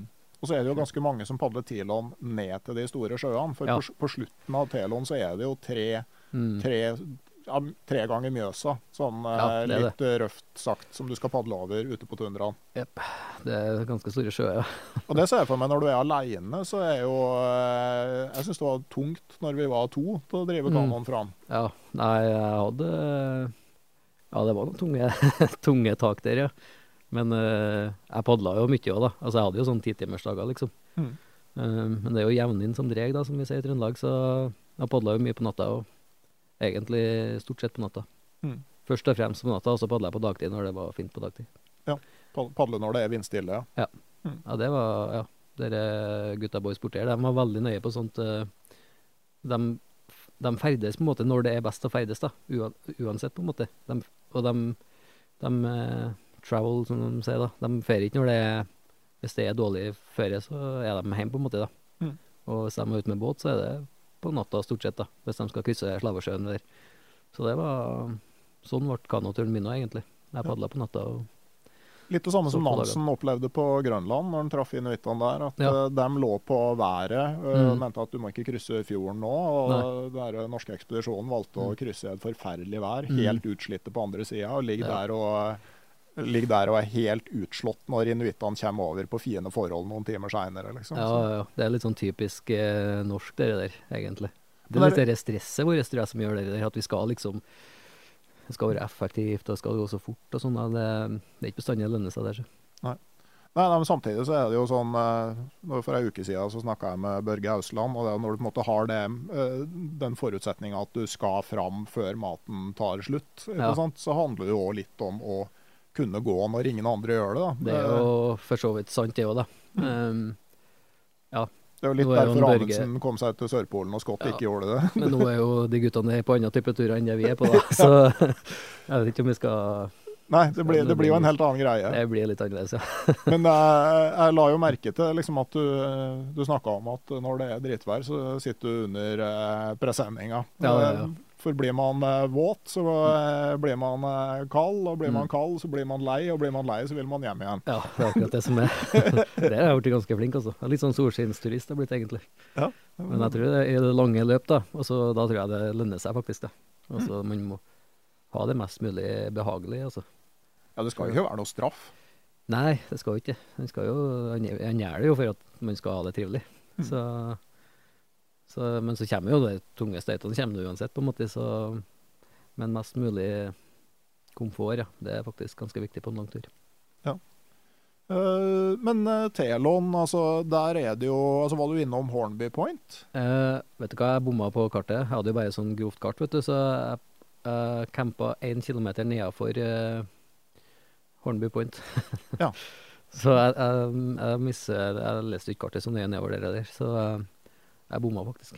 Okay. Men uh, planen var innom, ja. Ja. Så jeg var ja, er nært, da. et sted med en ganske sånn, eh, sånn uh, tragisk historie. Tre britiske oppdagere, eller sånn en britisk eventyrer med to unge følgesvenner som, Mm. som sulta i hjel der på 1920-tallet. Jeg må, må anbefale Det er en podkast som heter Tåkeprat. Ja. Even Hauan som forteller historier. Og det er ofte ganske sånn mørke temaer han, eh, han tar opp, og lange serier. Og han har lagd en eh, fantastisk eh, podkastserie om den overvintringa her, som heter Villmark. Hvor han forteller om de tre mennene som, som forsøkte å overvintre inne på tundraen, og, og omkom. Og den, det, altså, Podkasten Tåkeprat er anbefalesverdig i utgangspunktet. og de som hører på podkasten Uteliv, sjekk ut eh, serien Villmark om eh, John, eh, John Hornby. Ja, den skal jeg høre på. Det er, jo, det er jo en veldig tragisk historie, da. Men ja, det er jo en av de mest kjente historiene, tror jeg. Hele Arktis-Canada, tipper jeg. Ja, for det, det var jo da nevøen til Hornby som var 18 år da ekspedisjonen starta. Han var den siste som overlevde. Mm.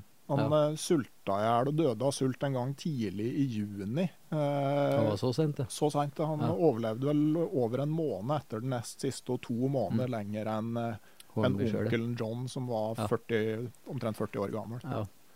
ja. Og- Når jeg tenker på den plassen de valgte, så er jo ikke akkurat eh, Det er jo ikke den mest gunstige plassen eller de valgte, da. Så eh, hvis Ja. de bommer på Caribou-trekket der, så er det tøffe tider, ja. Ja, og så kom de, de var jo ganske seint ute, så de kom jo dit etter høsttrekket. Mm. Og sånn jeg har forstått, så er det å, å treffe høstcaribuen var veldig viktig, for at det er jo da dyra har noe særlig fett. Ja, det er det. Sånn at uh, den vintercaribuen er det mye mindre næring i. Så hvis Ja, du bommer på høsttrekket og ikke får lagt deg opp noen reserver da, så, så blir det- sliter du. blir tøft, ja. Men det som i hvert fall for å, sånn, det, det som skjedde, da, var at han skrev jo dagbok hele veien, han, eh, han Edgar Christian. Og Ja. eh, da han skjønte at det her ikke gikk, så pakka han dagboka i vanntett materiale, la han inn i ovnen. Mm. Altså, Der hadde det ikke vært fyrt på lenge. Og la en lapp oppå om at de som kom, måtte se i Who et eller annet, Look Mm. in Stove. Sånn Ja. at den boka er gitt ut. Ja. Uh, det, det er litt av en historie altså, om den der, hele den vinterens kamp mot sult og kulde. Ja, stakkars eh, folk, altså. Ja, det er tragisk, ja. Det må være en ganske tragisk måte å gå i vei på. Mm, Mm. definitivt. Og, eh, og Hjalmar Dale kom jo òg forbi Ja. eh, den plassen her. Altså, hva tenker du om liksom, turen til Hjalmar Dale, førstemann eh, ned Mm. Telån, eller første hvite mann, da? Ja, I eh, egenbygd kano. Ja, ja, ja, nei, altså Hjalmar Dale har jeg Altså, det Jeg har så stor respekt for den fyren der. Altså, ikke, ikke nødvendigvis alle turene han gjorde, eller eh, Altså, han levde jo det livet, han, da. Altså hele livet. Fra han var jeg vet, vet ikke, Du er nå ekspert på Hjalmar Dale. Han var ikke var noen og 20 år når han immigrerte par og 20, eller noe sånt der? Han var vel yngre enn det òg, men det kanskje. tok ei lita stund før han Ja. begynte som pelsjeger. Ja. Um, ja, han levde jo det livet i, i 50 år. Mm. Og så Han var jo, han tok jo ikke noen bilder, eller han skrev jo ingenting, eller han var jo ikke noen sånn moderne eventyrer, sånn som f.eks. Helge Ingstad var, eller sånn som vi holder på nå i nyere tid. da. Og det, det står det bedre respekt av, altså. Han gjorde det jo helt av egen fri vilje. Eh, det gjør jo selvfølgelig vi òg, da, men han gjorde jo ikke noe ut av det. Liksom han, og det syns jeg det, det står det respekt av, altså.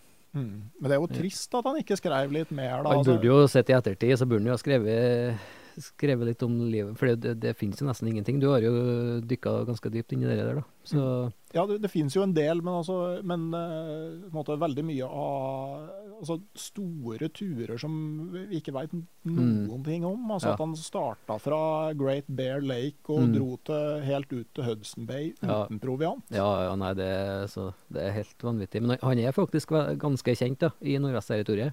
Ja. Det er ganske mange som vet hvem han er, ja. Han har jo egen sånn stand på museum i Norman Wells, ikke det? Ja. Eh, du har kanskje vært her, du? Ja, jeg har det. Eh, Og har en plakett oppå Mount Hamar. Men altså det, du må jo Ja. måtte vite eh, hvilket navn du skal se etter. For han Ja. bytta jo navn eh, mange Ja. ganger i løpet av livet. Ja. Jeg kan jo benytte anledningen til litt grann reklame. Altså, jeg skrev Ja. ei bok om, eh, om Hjalmar Dale for noen år siden. Den har nettopp kommet i tredje opplag. Mm. Og Den er det mulig å da kjøpe via min nettside randulfalle.no, eller følge eh, sosiale medier med podkasten Uteliv. Anbefales å kjøpe den, ja, for dem som er like sær som oss. Ja, og det er jo for den- spesielt den- interesserte, egentlig, da, men det det Nei, det Den, den sier kanskje litt om, måte, mer om hvordan livet som en sånn type pelsjeger, gullgraver, eh, hvordan det var. Da. Altså, Mm. eh, sånn, eh, det er ikke bare om Hjalmar Dale, men også om Canada i den perioden. Eh, Mm. Ja, det er veldig bra bok. Så takk. Men eh, ja eh, Ned Telon-oasen, altså midtre del av Telon, så er det jo eh, er det jo granskog langt ute på tundraen, spesielt sted. ja, det er veldig spesielt, ja. Og så går du opp på kanten 300 meter, så er det bare tundra, liksom, så langt øyet kan se, da. Mm. Så det Nei, det var en spesiell opplevelse, altså. Mm. det er jo bare sånn eh, spes Ja, helt spesielt å, å være der. Men sånn hvis jeg skal summere opp den turen, så var det faktisk rekka Hanbury, syns jeg var Ja, det var det villmarkssus, altså. Det må jeg si. Og tundra òg, da. Så Og fisket var helt vanvittig oppå de sjøene på eh, Hanbury River. uh, Sifton Lake der og Ja, det var helt vanvittig, altså. Og da var jo klekking. Altså, jeg padla på natta og opplevde jo liksom det, klekkinga på når det var sånn stille netter, helt sånn blekkstille. Og så det koka med ørret, da. Eller canadareie. Nå sier jeg ørret, de kaller det jo trout, vet du. Eh, altså, det Jeg går, for, går kaldt nedover ryggen når jeg tenker på det. Men det, altså, det koka med fisk, og det var sånn to til fem kilo, da. Ja. Og da var det sånn Du kan bare slippe sluken uti, og så beit det på eh, ett sekund, da. Så hang det på liksom en to kilos uh, ørret, da. Eller til og med når jeg sveiva opp liksom, og la liksom, fiskestanga bak i kanoen, så sluken liksom hang over vannet og dingla. Til og med da hoppa de og beit på og tok opp eh, ja, sånn to-tre kilos uh, kanarøye på den måten. Ja. Det var helt eh, helt vanvittig. Og det opplever man ikke i Norge, altså. Nei, jeg husker litt det samme. Altså, det var nede på I overgangen mellom de to, to av de her store sjøene, uh, nederst på Telon, så er det et område hvor det er en del uh, holmer og eh, øyer og sånne ting, mener jeg å huske. Sånn, eh, og der òg var det sånn når du så det rundt altså, Det var umulig å telle hvor mange rygg- og halefinner fra sånn to-fire-fem kilos uh, lake Ja. trout du så oppi overflata Mm. på sånn head and tail-vak. Ja. Samtidig. Det var overalt. Ja, det er noen sånne øyeblikk, ja. Det er jo ikke sånn at det er hele, Nå må ikke folk tro at det er sånn hele tida, for det er det jo ikke. da. Men uh, noen, på en sånn tur så opplever du jo noen ganger i løpet av uh, et par, måneder, liksom, så du Mm.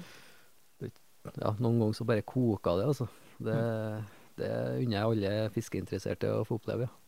Ja, Du hadde ikke noe problem med å skaffe de fire kiloene med mat til deg og bikkjene? Ikke på den turen, nei. Nei. nei. Og bikkjene ble jo eh, racere på gåsejakt, da. så de utvikla en eh, Og det var litt sånn, det er jo litt trist, da, men det er jo på en måte ikke noe Det er nok ikke noe å gjøre noe med det, det, liksom. da. Og så, så var det jo litt greit òg. Jeg sprang jo frem og skar meg av en bit sjøl òg, ikke sant. Så, så nei, det syns jeg egentlig var helt supert. Um, men dem òg, liksom, de tok ikke noe mer enn de trengte sjøl, dem her, da. For de tok noe egg, og så, spiste de den, og så var det greit, liksom. da. Ja, Var det sånn samarbeidsjakt, da? Eller? Det var samarbeidsjakt, ja. Det, i, først, I starten så For de sprang jo langs land, ikke sant. Så i starten, så når vi begynte å komme bort til Gåsa, så sprang de jo helt sånn Helt uten mål og mening, ikke sant. Um, og så begynte de å Sikkert helt tilfeldig, men de begynte å dele seg opp, da. Så de traff på den flokken fra hver sin kant. Og da, første gangen, så fikk de jo hver sin gås, for de jaga jo gåsa mot hverandre, ikke sant. Og da, det lærte de, da. Og etter det så tok de gås eh, hver gang de prøvde. prøvde ja. I sånne store flokker. Så det var litt artig å se. Det var som ulver, altså. Som, eh, så kan man jo tenke seg hvor mange gås en ulveflokk tar, da. Hvis til og med mine hunder, som aldri har opplevd noe sånt før, eh, får til det der i løpet av et par dager. Så tror jeg ulven eh, koser seg i løpet av sommeren, ja. Hørte noe lignende om de to hundene de har på Jan Mayen. Det, det var, jeg lurer på om det var en svane eller noe sånt som hadde krasjlanda der helt utafor sesong. Og da var det den ene som drev og på en måte oppholdt oppmerksomheten til fuglen, mens den andre snek seg inn på bakfra. Ja, Eh, ja. ja de, eh, de lærer fort, så. Ja. Det er jo litt fascinerende å se på. Selv om det er jo, det er jo litt trist òg, men det er noe veldig sånn naturlig, da, tenker jeg. Men så kom du ut på tundraen, og Mm. ja, forbi sjøene, og, og så går det grisefort fra den siste sjøen og ned til Lake. Ja, det Ja, da gikk jeg bedre fort. Jeg drifta jo 15 km i timen Jeg var der. Ja, jeg husker liksom når du satt der og så det så klart vann, at Mm. du hadde litt sånn følelsen av omtrent kjøre moped når du Ja. kikka ned på steinen som bare føyk forbi under deg. Ja, hvis det hadde vært sånn hele veien, det har vært, eh, da hadde det vært enkelt, du. Ja.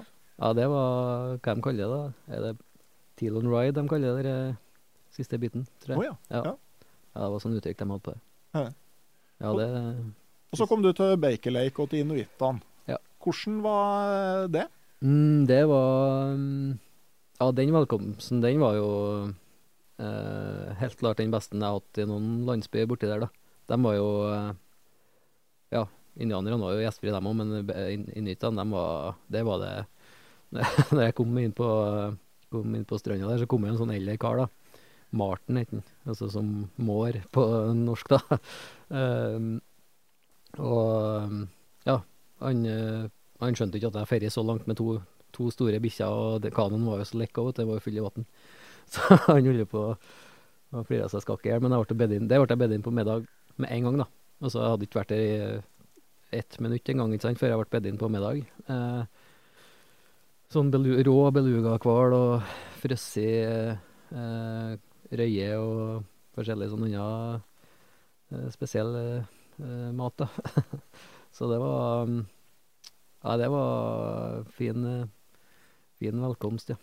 Ja, sånn Historisk så er jo det her innlandsinuittene Jeg tenker I, i Nord-Amerika så er det dem som imponerer meg aller mest. Mm, ja. Som lever på den treløse tundraen Mm. uten å ha tilgang til fett fra sjøpattedyr. Ja, det er faktisk eh, imponerende. De fleste som bodde i Baker, vokste opp på Back River, faktisk. Ja. Eller mange av dem i hvert fall. Ja. Halvparten kanskje, og så halvparten opp, i, opp med ja, opp Tilon, da. Eh, ja, at de klarte å overleve der, det er ja, skikkelig imponerende. Altså. De levde jo på fisk eh, hovedsakelig. Ja, og så, caribou. eh, Men mens du Mm. hadde, når du ikke hadde sjøpattedyrene, så, eh, Mm. så hadde du ikke noe drensel. Nei, nei det, eh, det var liksom, Ut fra det jeg har lest om der innlandsinuittene, så var det Mm. sånn røftlig én gang i uka at de kokte ting Ja. om vinteren. Nei, det Men ellers så var det rått og frossent, Ja. det som ble spist. klarer ikke å se for meg Men ja, dem jeg bodde hjemme til der, de, de vokste jo opp i iglo. De. de var 15 år tror jeg, når de flytta til Baker Lake. Mm. Og det er ganske fascinerende, altså. De var jo rundt 70, 70 år, da. Så mm, ja, det er spesielt, altså. Å høre historier fra når de vokste opp. Det, det går ikke an å se for seg, altså, hvordan det var. Det er litt i grevens tid at du er på besøk der òg, når de Ja. begynner å bli 70 år. Det er ikke så Ja. Nei, den generasjonen som vokser opp i iglo, den er på vei ut, ja. Så hvis man vil høre de historiene, så da må man ta seg en tur til Canada snart. Blei du lenge i Baker Lake, da? Mm, tre uker cirka. Mhm. Fire uker. Så da begynte jeg jo hjemreiseplaner, da. Mm. Men det kunne jeg tenkt meg å være lenger, altså. Um, men var, da var jeg i en sånn visumprosess og forskjellig, og så det var tung, tungvint plass å være, egentlig. Så det var litt derfor. Um, men dit skal jeg tilbake, ja. Ja. Garantert. Det er fantastisk. Eh, Da jeg jobba med boka om Hjalmar Dale, så satt jeg bl.a. på biblioteket i Hammerfest og leste loggbøkene fra Hudson Bay Company-posten i Baker Lake på Ja. mikrofilm. Hvordan du fikk du det? Jeg kan bare bestille det fra ja. Hudson Bay Company-arkivet. Kan gå på biblioteket her i Trondheim. Så, Ja. og det, altså, de sa i Hammerfest bibliotekstjenester er gratis. Jeg betalte ikke ei krone. Så Nei, kom det. en sånn mikrofilm som jeg kunne sitte og lese. og Bare lese dag for dag. Jeg drev og lette etter Hjalmar Dale. Ja. Og det var liksom bare Han eh, kom ned Telon og hadde vært ute i flere måneder. Og så var Ja. han i Baker Lake i tre dager og fiksa på ting, og så Ja. dro han oppover på fangst igjen. Ja. ja, det er fader med han og harding, altså. det var litt sånn med julefeiring og fotballkamp under stjernene og eh, i hele tatt. Det, Ja, han er, det er bedre med litt av type, Så, ja. så det, det anbefales, da, hvis man vil eh, altså, det, og, og det er veldig sånn ordentlig ført, der i dagbøkene. For det, det står først i den standardiserte postboka at Mm. eh, det, måte, det at du fører den boka her på en ryddig og ordentlig måte, det blir på en måte sett på som et speil av din evne til å drive handelsposten på en ryddig og ordentlig måte. Ja. Sånn at Det var liksom ordentlige opptegnelser hver dag med været og hvem som hadde vært innom og hva som skjedde. og eh, Ja. alt tatt. Ja, det, er- det er sikkert artig, ja. Mm. Og to konkurre konkurrerende misjonærer var det her på den tida. Ja. Én katolsk og én protestantisk. Det, Ja, herregud, den tida der tror jeg det har vært artig å være her. Altså bare sånn, ikke har bodd der akkurat den tida der, nei, men uh, opplevd det. Det tror jeg var tror jeg var ja, ja. komisk. Og så kom du hjem igjen. Det var en lang prosess med å eh, få med bikkjene igjen. Ja, det var en liten prosess, ja. Men det var um, Ja, jeg fikk jo nei på Det var mellomlandinga på flyplassene som var det største problemet. Og så var det noen fly som ikke tok Eller det var én flytype bare som tok, tok bikkja, da. Så det var litt sånn logistikk, eh, og det er jeg jo helt elendig på. Så, men et sånt reisebyrå, de fant ut det ganske fort, da. Mm. Så Hvordan på en måte føles det hele nå? Uh, nei, det er et sånt enormt sånt vakuum, som det er etter alle turer, egentlig. Uh, men det er jo selvfølgelig større etter en sånn tur, da. Så det har vært litt sånn skårtomt oppi hodet, liksom, uh, etter jeg kom hjem. Og um, litt sånn som at det var Jeg tenker sånn Har jeg gjort alt dette, liksom? Eller eh, var det en drøm? Det er sånn, Jeg må nesten Det har ikke sunket inn, da. Jeg kjenner at det er veldig vanskelig å prate om det òg, på en måte. For at det, det liksom ikke er bearbeida ennå, tror jeg. Nei, det er forskjell på første delen av turen og Ja. Mm. Mm, er mye på en måte den der kanoturen først. Den er liksom Den har sunket inn, da. Og den fangsten har begynt å synke inn litt, da. Men, eh, men eh, det kommer til å ta litt tid, tror jeg, før jeg liksom skjønner at jeg har gjort alt det Ja. Så, Eh, før du dro, så var det en workshop oppe hos NRK med tanke på TV-produksjon som jeg var med på. mm, Eh, og jeg husker det som på en måte eh, var litt sånn hovedspørsmålet rundt turen. Altså det her hadde alltid vært drømmen din. Ja. Men kommer drømmen til å tåle møtet med virkeligheten? Gjorde den det? ja, absolutt. Det var Jeg vil si. Jeg vil si at det var en bedre tur enn jeg har sett for meg på forhånd, ja. Jeg var veldig heldig med dem jeg møtte, da. Og det her har ikke Det hadde ikke ville blitt så bra hvis jeg ikke møtte han pelsjegeren utafor Fort Resolution der, f.eks. Um, ja, hadde ikke jeg møtt han, så tror ikke jeg det hadde blitt noe Altså, jeg hadde kommet til å ha vært der da, men da hadde jeg jo ikke fått de samme opplevelsene. Um, ja, så det var faktisk en liten nøkkel der. Men um, ja, det var kjempe, kjempe, kjempeopplevelse. Mm. Jeg skal være heldig hvis jeg får oppleve noe lignende igjen, ja. Men det er jo kanskje også et resultat av at du ikke prøvde å planlegge det på forhånd. Da. For det å komme i kontakt med en sånn pelsjeger Mm. på forhånd er jo ikke så lett. Umulig å planlegge det fra Norge, ja. Du vil aldri få svar fra dem der. Så du, ja, de har jo ikke e-post liksom heller, da, så det, du finner jo noen av dem på Facebook. Da, men eh, hvis at du får til å planlegge det på forhånd fra Norge og uten at de har møtt deg, så da er det bedre god.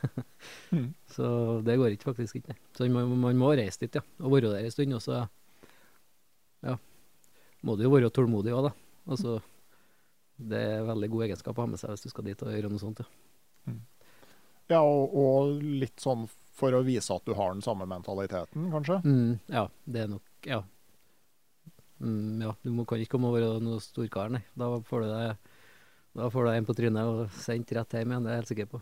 Mm. Så ydmykhet, det tror jeg nå er bra i livet ellers òg, da. Men det tror jeg i hvert fall er veldig lurt å ha med seg hvis man skal på tur dit, da. Ja. Og ikke Det er nå tross alt deres land, og det Ja. Så det tror jeg nok er en god egenskap å ta med seg. Men øh, er du en annen person? Har du endra deg i løpet av det året her? Mm. Nei, altså som person er nå eh, likeens, da. Men eh, jeg har nok forandra, eller Jeg vet ikke hva jeg skal si. Altså, man Ikke forandra meg, men kanskje enda et sånn sterkere eh, eh, forhold til det å love nuet, da. Ikke Alt trenger ikke å være så voldsomt effektivt og gå så fort enhver tid, da. For det gutta borti her, de har et sånt eh, vanvittig sånt eh, Det var faktisk størst- største utfordringa var å um, bli vant til livstempoet, da. For det, det går ganske sakte, da. Det skjer liksom ikke så mye bestandig. Eh, for de er jo fornøyd med det de har i dag. De tenker jo aldri på morgendagen, ikke sant. Så hvis alt er greit i dag, så er det liksom Da gjør de ikke noe, da. Ehm, så det må man jo Det, det er jo faktisk en litt sånn prosess å bli vant med. Ikke helt uh, Altså, jeg tenker jo litt sånn her uh, Å komme som søring til Finnmark. Ja, det er sikkert det. At hvis du sånn- har det så travelt, hvorfor kom du ikke i går? Ja, det er sant. Ja, det er sikkert litt det samme, kanskje. da. Men kanskje en eh, enda mer ekstrem versjon. da. At, uh... Jeg har ikke opplevd noe sånt til der, nei. Men jeg har jo ikke så fryktelig travelt i livet mitt ellers heller, da. Men uh, det var nye høyder der, ja. Mm. Men jeg, jeg, er veldig fascinert over det, da. Ja. Og det å på en måte være fornøyd med det man har, da, det, det også tror jeg kanskje man kan bli flinkere til, da. Ikke nødvendigvis hige etter noe mer, eller Det Det har ikke jeg særlig trua på. Um, Nei, men like fullt så ser jeg jo da på TV at du sitter i Canada og eh, har tårer i øyekroken fordi at uh, Hvorfor i all verden er du her, for du skulle jo vært hjemme med familien. Ja, man får noen sånne øyeblikk, ja. det er pussig det der, altså. Du er liksom uh, drømmer hele livet på forhånd. Når du kommer dit, da, så har du kunne jo tenkt deg å være sammen med, hjem sammen med dem du, du har vært i sammen med hele resten av livet. Så det er pussig hvordan det hodet funker, du. Men, men sånn Men- tror jeg vi på en måte alle har det. For jeg må komme med en innrømmelse at jeg så ikke serien din på TV før vi avtalte det intervjuet her. Og du gjorde ikke det?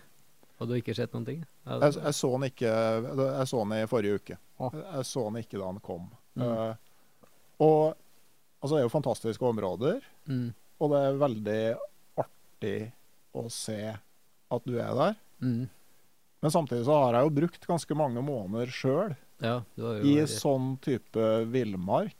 mm, Og, og det er på en måte litt for min del et sånt kapittel som er avslutta. Og da er det ikke bare godt å sitte og se på TV at noen andre er på tur der. Nei, jeg, Så liksom, du du sitter ved bålet i Canada og eh, tenker på familien. Eh, Jeg sitter sammen med familien og Tenker tenker på- på bålet i Canada.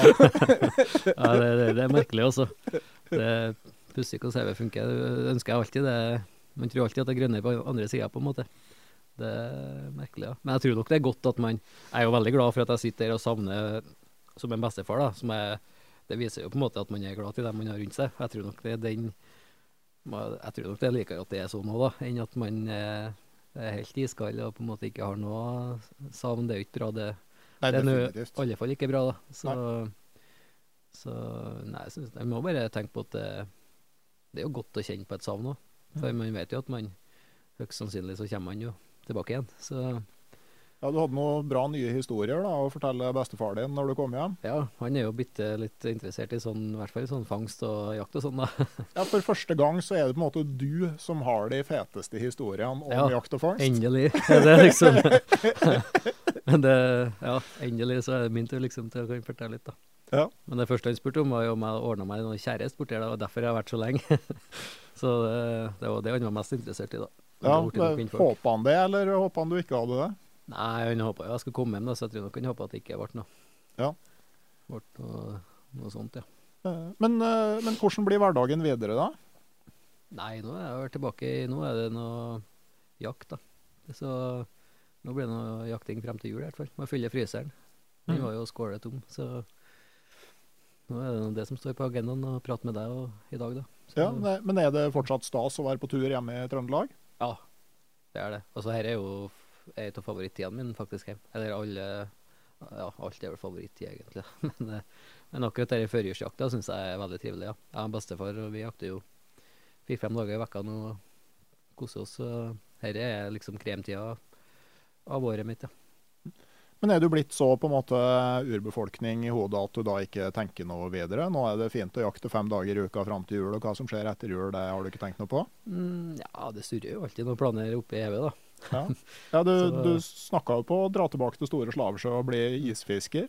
Ja, eh, vi får nå se når det Altså, det er noe med det Det er veldig dårlig tid å være ute og reise på. For det med denne coviden så er det litt uh, Akkurat nå veldig tungvint ute og reise. Så det blir nok litt før det roer seg litt på den fronten, nei. Men, uh, men jeg skal garantert tilbake dit, ja. Blir det noe eh, altså Telon-turen, eller Hanbury Telon, blir det noe TV derifra? Har du filma der? Eh, jeg vet ikke om det, det Jeg har noe levert fra meg. Det jeg har filma, i hvert fall. Så det da er ute av min kontroll, faktisk. Mm. Og jeg er glad for det òg, jeg, da. Jeg er ikke noe heldig, så slipper jeg å sitte og se på det der. Mm. Ja, har, du sett, uh, har du sett serien din? Ikke noe, ikke ett sekund. Jeg har ikke sett noen av de tidligere seriene heller, så det klarer jeg ikke. Ikke nubbsjans. Er ikke interessert heller, og, og så var jeg jo der òg, så jeg vet jo på en måte hva som skjedde. Så ja, det har jeg ikke hatt interesse av. Nei. Det tror jeg blir som en sånn gamle idrettsutøver jeg, som drar fram medaljene sine når han blir pensjonist, på en måte. Ja. Det, nei, jeg har ikke lyst til å se på det. Nei. Nei, Du skal se det på gamlehjemmet? På gamlehjemmet jeg skal varte opp i enka borti sofaen, så kanskje jeg skal dra fram noe, noen sånne snutter fra Canada, kanskje. da. Ja. kan jo bli bra. OK. Uh, nei, så det er det vi får ut av deg. Om det kommer noen bok, forresten? Har du tenkt det? Mm, ja, kanskje. Kanskje, kanskje ikke. Ja. Vi får se. Mm. Har jo muligheten, da, men det Man må jo skrive òg. Det er det som er så dumt med bok. Det ville gitt ut ei bok, så har det ikke vært for den skrivinga. så jeg skal ikke se bort ifra det. Nei. Jepp. Nei, men det var utrolig trivelig at du kom innom og stilte opp til, til prat, Jens. Ja, det var trivelig å se deg igjen. Det, Ja. lenge, det føles jo ikke så lenge ut siden sist, egentlig. da. Det er jo ikke så lenge heller, da. Det Det er litt, litt over et år. Og det, og det er vel kanskje noe av det du merker spesielt godt når du er borte. At uh, Altså, jeg tenker jo altså sånn Ja, livet mitt, det er ikke har ikke tatt sjumilssteg siden vi satt på trappa på andre sida av huset og prata sist. Nei, Eh, det, det skjer ikke så mye, nei. Det popper fram noen nye unger og her og der, ser jeg. ja, det- ikke for min del, men nei, Ikke for min del heller. Så det, Mm. Nei da, så øh, Men eh, har du noe på en måte Altså øh, Du eh, Tenker du på en måte at øh, Altså, er det noe eh, andre kan ta med seg fra det du har opplevd nå? Um, ja, dette kan alle sammen gjøre, egentlig.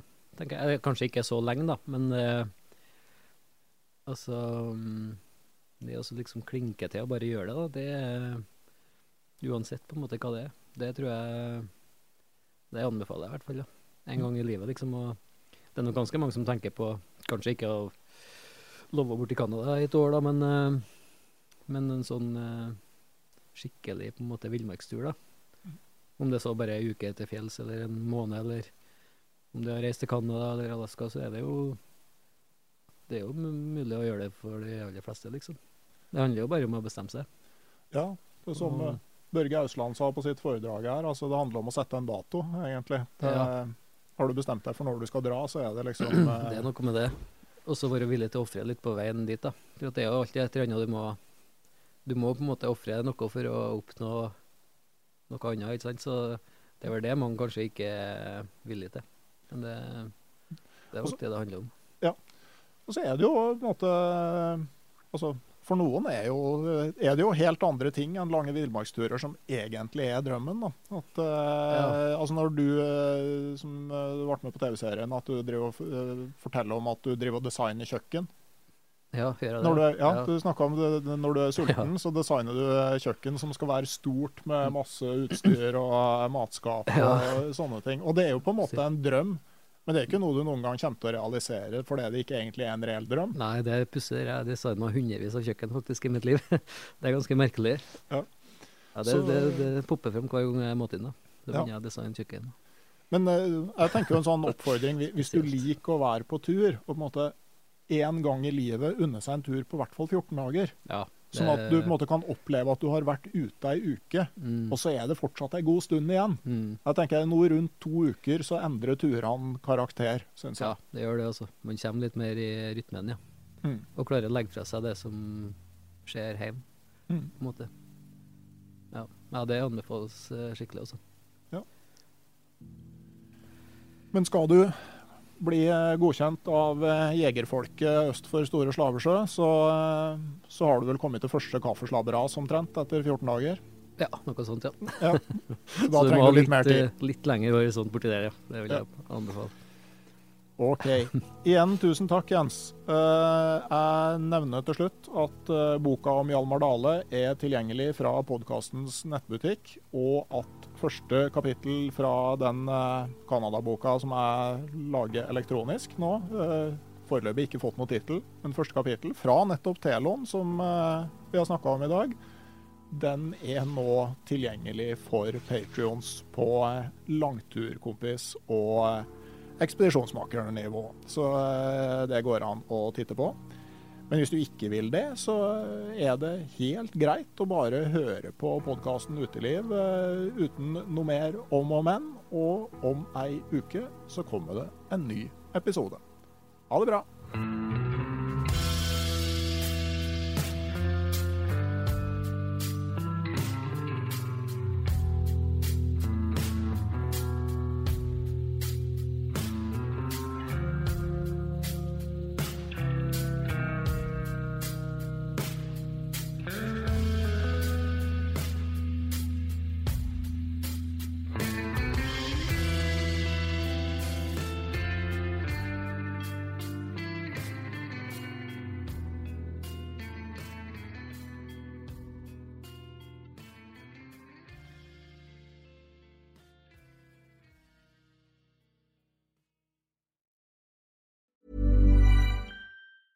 Hey, it's Danny Pellegrino from Everything Iconic.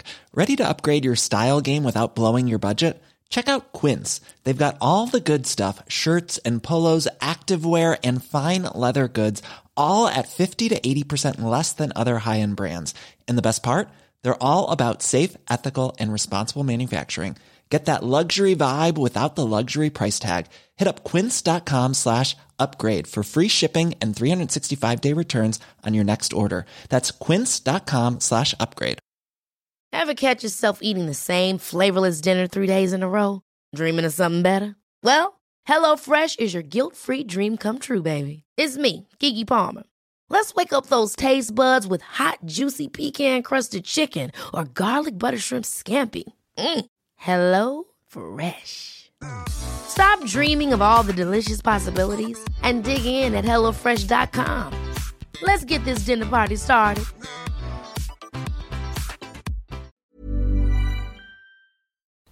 Hei, jeg heter Nore Helligsen og er daglig leder i Barents Outdoor. Det beste vi kan gjøre for planeten, er å redusere forbruket vårt og få mer ut av det utstyret vi allerede har. Men vi vet av erfaring at bruken av telt kan endre seg over tid. Det teltet du kjøpte for to år siden, passer kanskje ikke det behovet du har i dag. Derfor har vi i Barents etablert en egen panteordning der vi tar imot brukte telt av god kvalitet i innbytte når du kjøper et nytt av oss. Prosessen er enkel.